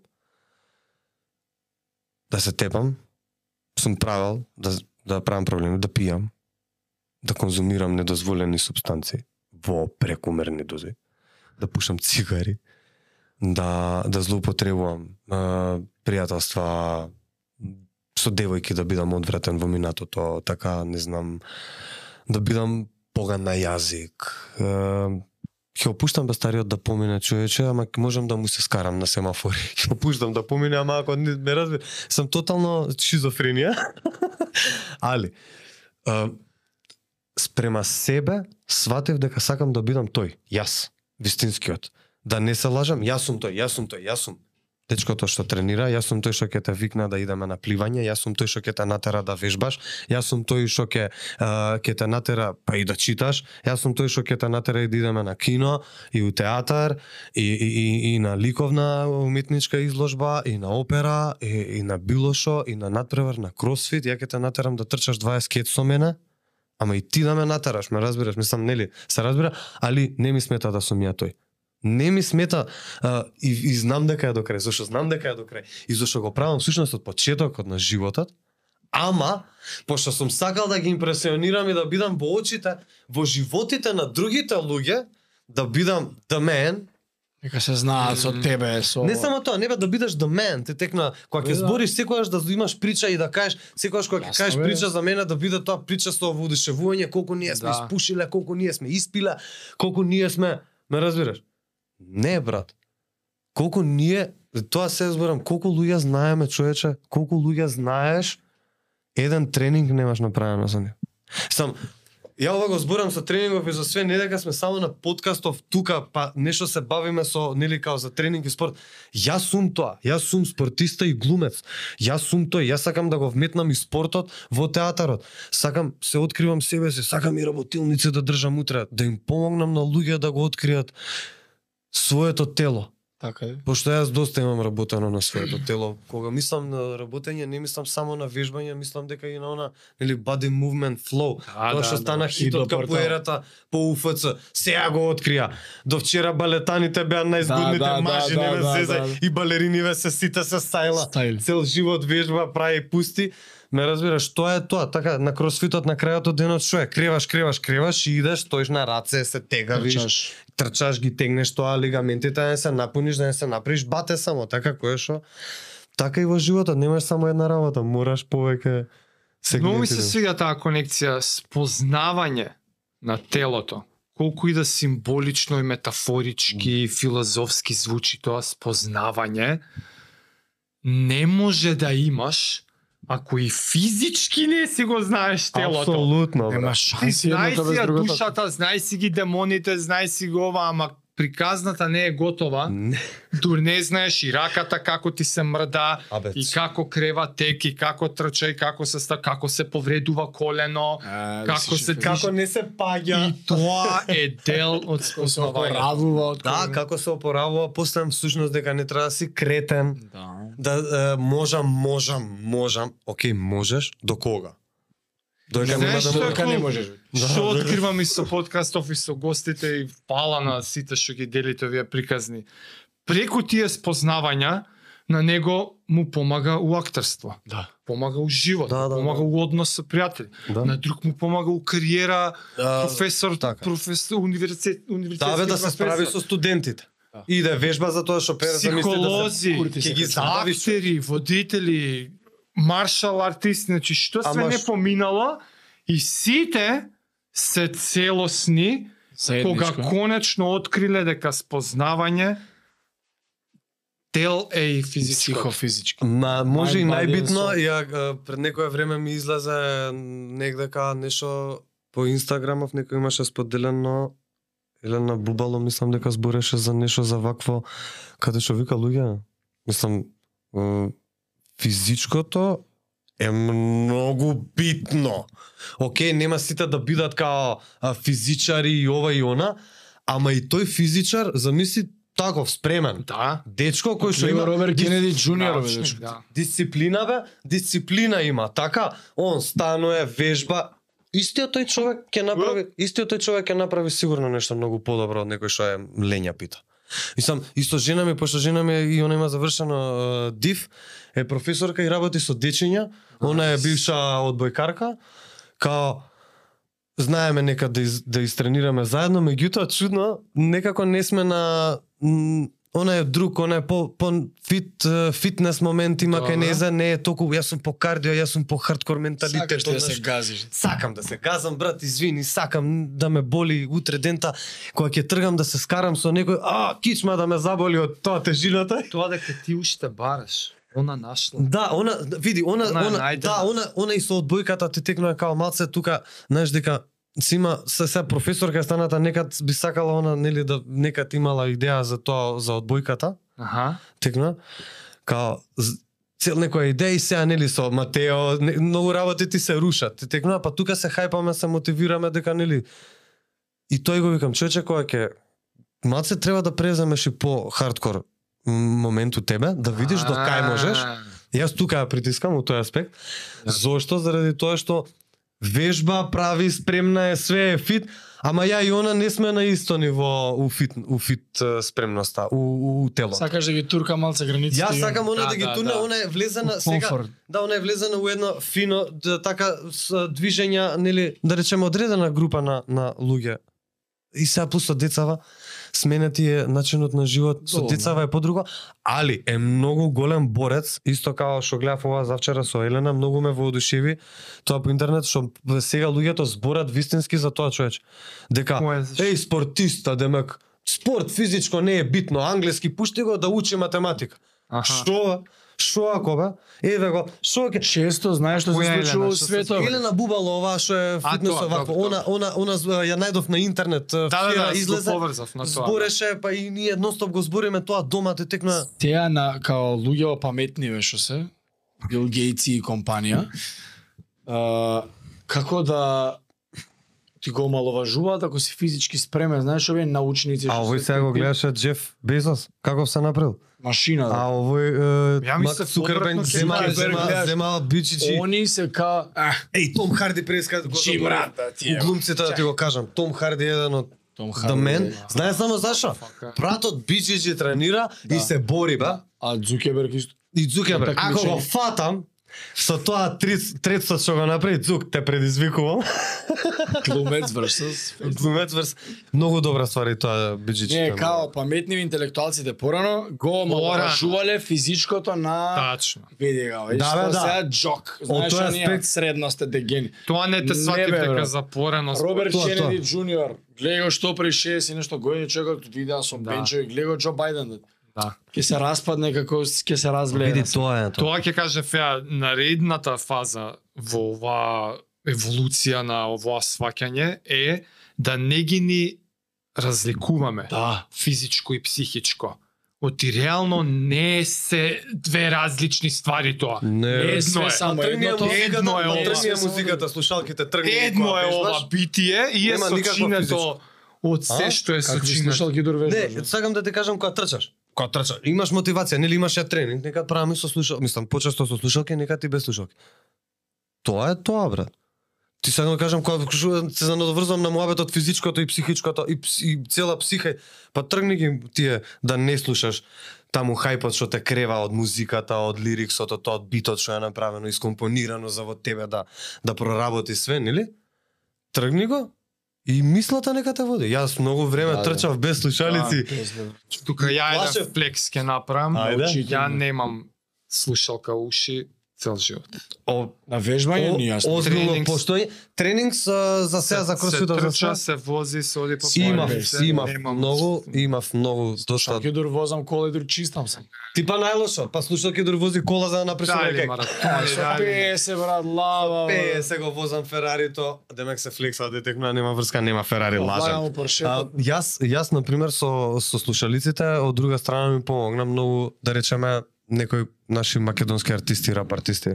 Но класи, Како може да крене, текла. да? Мамо сетено и јас. По грешка на трчање возам подкаст некој што збори и нешто телефонот некој реклами имаше глупости да кликнам и песна ми се пушти. Да.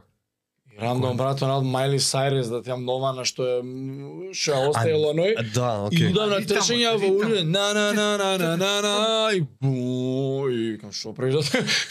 Јас имам одредена, имам плейлиста конкретна што ми е за тренинг и таа ја вртам као два и Е, пол тоа Тоа се само сата. остава на трките. еднаш пуштив, еднаш пуштив, Која шест пати, шест по 100 метра шпринт. и на repeat shipping up to Boston. Што па тоа музика ти Само тоа мора. Тан тан тан тан тан тан тан тан тан тан тан тан тан тан и така така така така така Да бе, да, да. 100 метра 13-14 секунди трчање доди. Уживам и музиката па што сакам и незе, али углавном Или тренингот де Франс е читинг, као допинг се рачуна покрај сите други допинзи што ги прават. музиката. Да, со бубици дека слушале да ти. Нели забрането? зафркам. Тоа е радио, они комуницираат меѓу себе. На кој спорт беше ендюран забрането е музика? Не можеш на маратон да трчаш само. Не можеш, така? Абе, дали знаете вие кој го има измислено триатлонот? Триатлон. Еве, гледам вака, ја вчера завчера бев на базен. Чекај тоа не. Маратон ја знам, не, не, триатлонот, не, чекај да вик, ја исто вака седна водма, чекај да видам кој шо. Тркач, пливач и велосипедист. Да, ма, знаеш ли кој го измислил? Првот кај потегнува. Рамче очу. Од ромците. Ова ми го кажува господин од румската припадност, да не биде сега дека хейтаве нели ѓупца мупца да не ваква. Он ми го кажа. Ја доаѓам задишан, цел вика, што е работа, вика, ти што си вака испотен на базен, викам, трчав. Ау, што збориш, викам, да, и нели тука си правиш муабет одма со луѓе. Да, бе, трчам, сега ќе ќе пливаш, викам, па да, триатлон ми е the shit, викам, сакам да се спремам следно аматерски триатлон да се ваква. Знаеш вика кој го измислил вика? Триатлонот. Викам, кој се очекувам нели некое име. Джек Джуниор. А на времето ти дека У 70-тите е трчал, пливал и открил дека маратонот. И викам, сега ќе добиам информација што ја нема на Google, така, нели? И вика, па Гјуптинот бе, вика. Како бе? Па вика, иде, вика. До базен, вика, трча. Трчал до базен, таму се е бања и краде точак, вика, и назад на кај дома. И така настанал триатлонот. Ја вака, сега ти го кажува човекот, ти тека ми се паѓаш од свење, тука вика ми јеби га, викам, па, па, по гипска работа не можеш да ми кажеш. Александар, АЦ Хонда, Баш. ние мора да 4 сати можеш да ние Дечки, Да, искрено ние со вас мора да може- ја привршуваме. Ке не за друго ќе ни снема место на дискот. Пикни бе нешто. Не, ова ќе биде обратно. Застани бе, ке снема лента. Е така, ќе снема ќе снема хард диск. Ама у секој случај фала ти многу за сите причи, за сите искуства. Гледаш дека немаш да те тераме вежбаш. Леле, луѓе. На-. Не, а Не, да ова направи. беше Слушај, легенери. Да, ова. На жаре му викам, морам да дојам да вежбам со тебе, да ти кажам право, морам да сакам да ги да ги активирам сите сите луѓе да мислам што ме следат да бидат многу да ме следат активни луѓе, да текна такви работи. За тоа сме тука. Затоа сме тука и затоа Шири ја пораката, те молам што поише. Јас на пример кон некои работи не сум не нели не пратиш, не правиш, не ова се додека не дојде некој момент те текно еве да те викнат луѓето па да видиш што е, како е. Се бавиш со други работи, те текно животот, те текно друго ти е битно и сега сваќам дека аха, ова е моментот, така ова е моментот луѓе као вас, добар подкаст, доаѓаш, кажуваш те текна, али да е у таа смисла на спортот, ме разбира, дури и како лошо искуство. Да, Дури и како лошо искуство, така нема Се не леле ова ми беше најбоље. Ја кога тренирав само најбоље, само најбоље. Не, кога тренирав сега ми е тотално лошо се осеќам на тренинзи кога не можам да направам нешто, ама знам дека за X. година дена од сега, нека биде и пет ќе направам. Те тегна и ќе. Вие многу ви благодарам на вас што ме поканивте, пошто обично луѓе ќе речат чекај сега повој со спорт, чисто да да ги јакнеме те тегна. Што е конекција? Што е конекција? Те тегна, ама имаме дури можеме уште цели подкасти да направиме за Е, за вакво Чим јас и зборење. ти на маратон се сретнавме, Да, многу е јако. имаш што да кажеш за Не, сега сакам да се сретнеме, сакам да ти ги земам овие твоите студенти, Виктор Арсов, Димитар Атанасов, Жаре. На Жаре знаеш што му честитав роден ден? Му посакав оваа година да има тело како мен. Чекај, ова нешто јавен предизвик им правиш. јавен предизвик, дечки, јавен предизвик, кажи презиме, слушајте така, вам. Димитар Атанасовски, Виктор Арсов, Жарко Димовски, Димковски мислам дека беше. Како и да е, Димовски. Димовски. Ќе ве земам и на Инстаграм сега ќе ви испотагнувам, не мора одма, ама се спремам и ја пошо. Колку време ги вежбаш нив? Јас сум ја птен Зависи релативно таа. А, а Виктор Арсов колку време вежба? Два живота. Два живота, значи него можам уште утре да го предизвикам. Може. Ама јако е копиле, така е малечко. А оној жаре ми е напа, намерно го зборам ова. жаре, мене ми е Димитар. Димитар ми е сакам да го бркам. Од позади. Дека се флекса, дека вежба, а ќе го искина. Ако Ајде бе. не, Ајде, ти бе, ти предизвикна Жаре да организира throwdown. Throwdown, uh, ти со твоите, јас сум мојот тренер. А тренерите не ги чепкаме, после таму они ќе си. И замисли Ја ви тренерите. посакувам успехи на Ти двајцата. благодарам. Продужете вие со муабет, ја ќе одјавам епизода, ваде до наредна епизода. 100% го паѓам. Најако. Се помочам у каки да...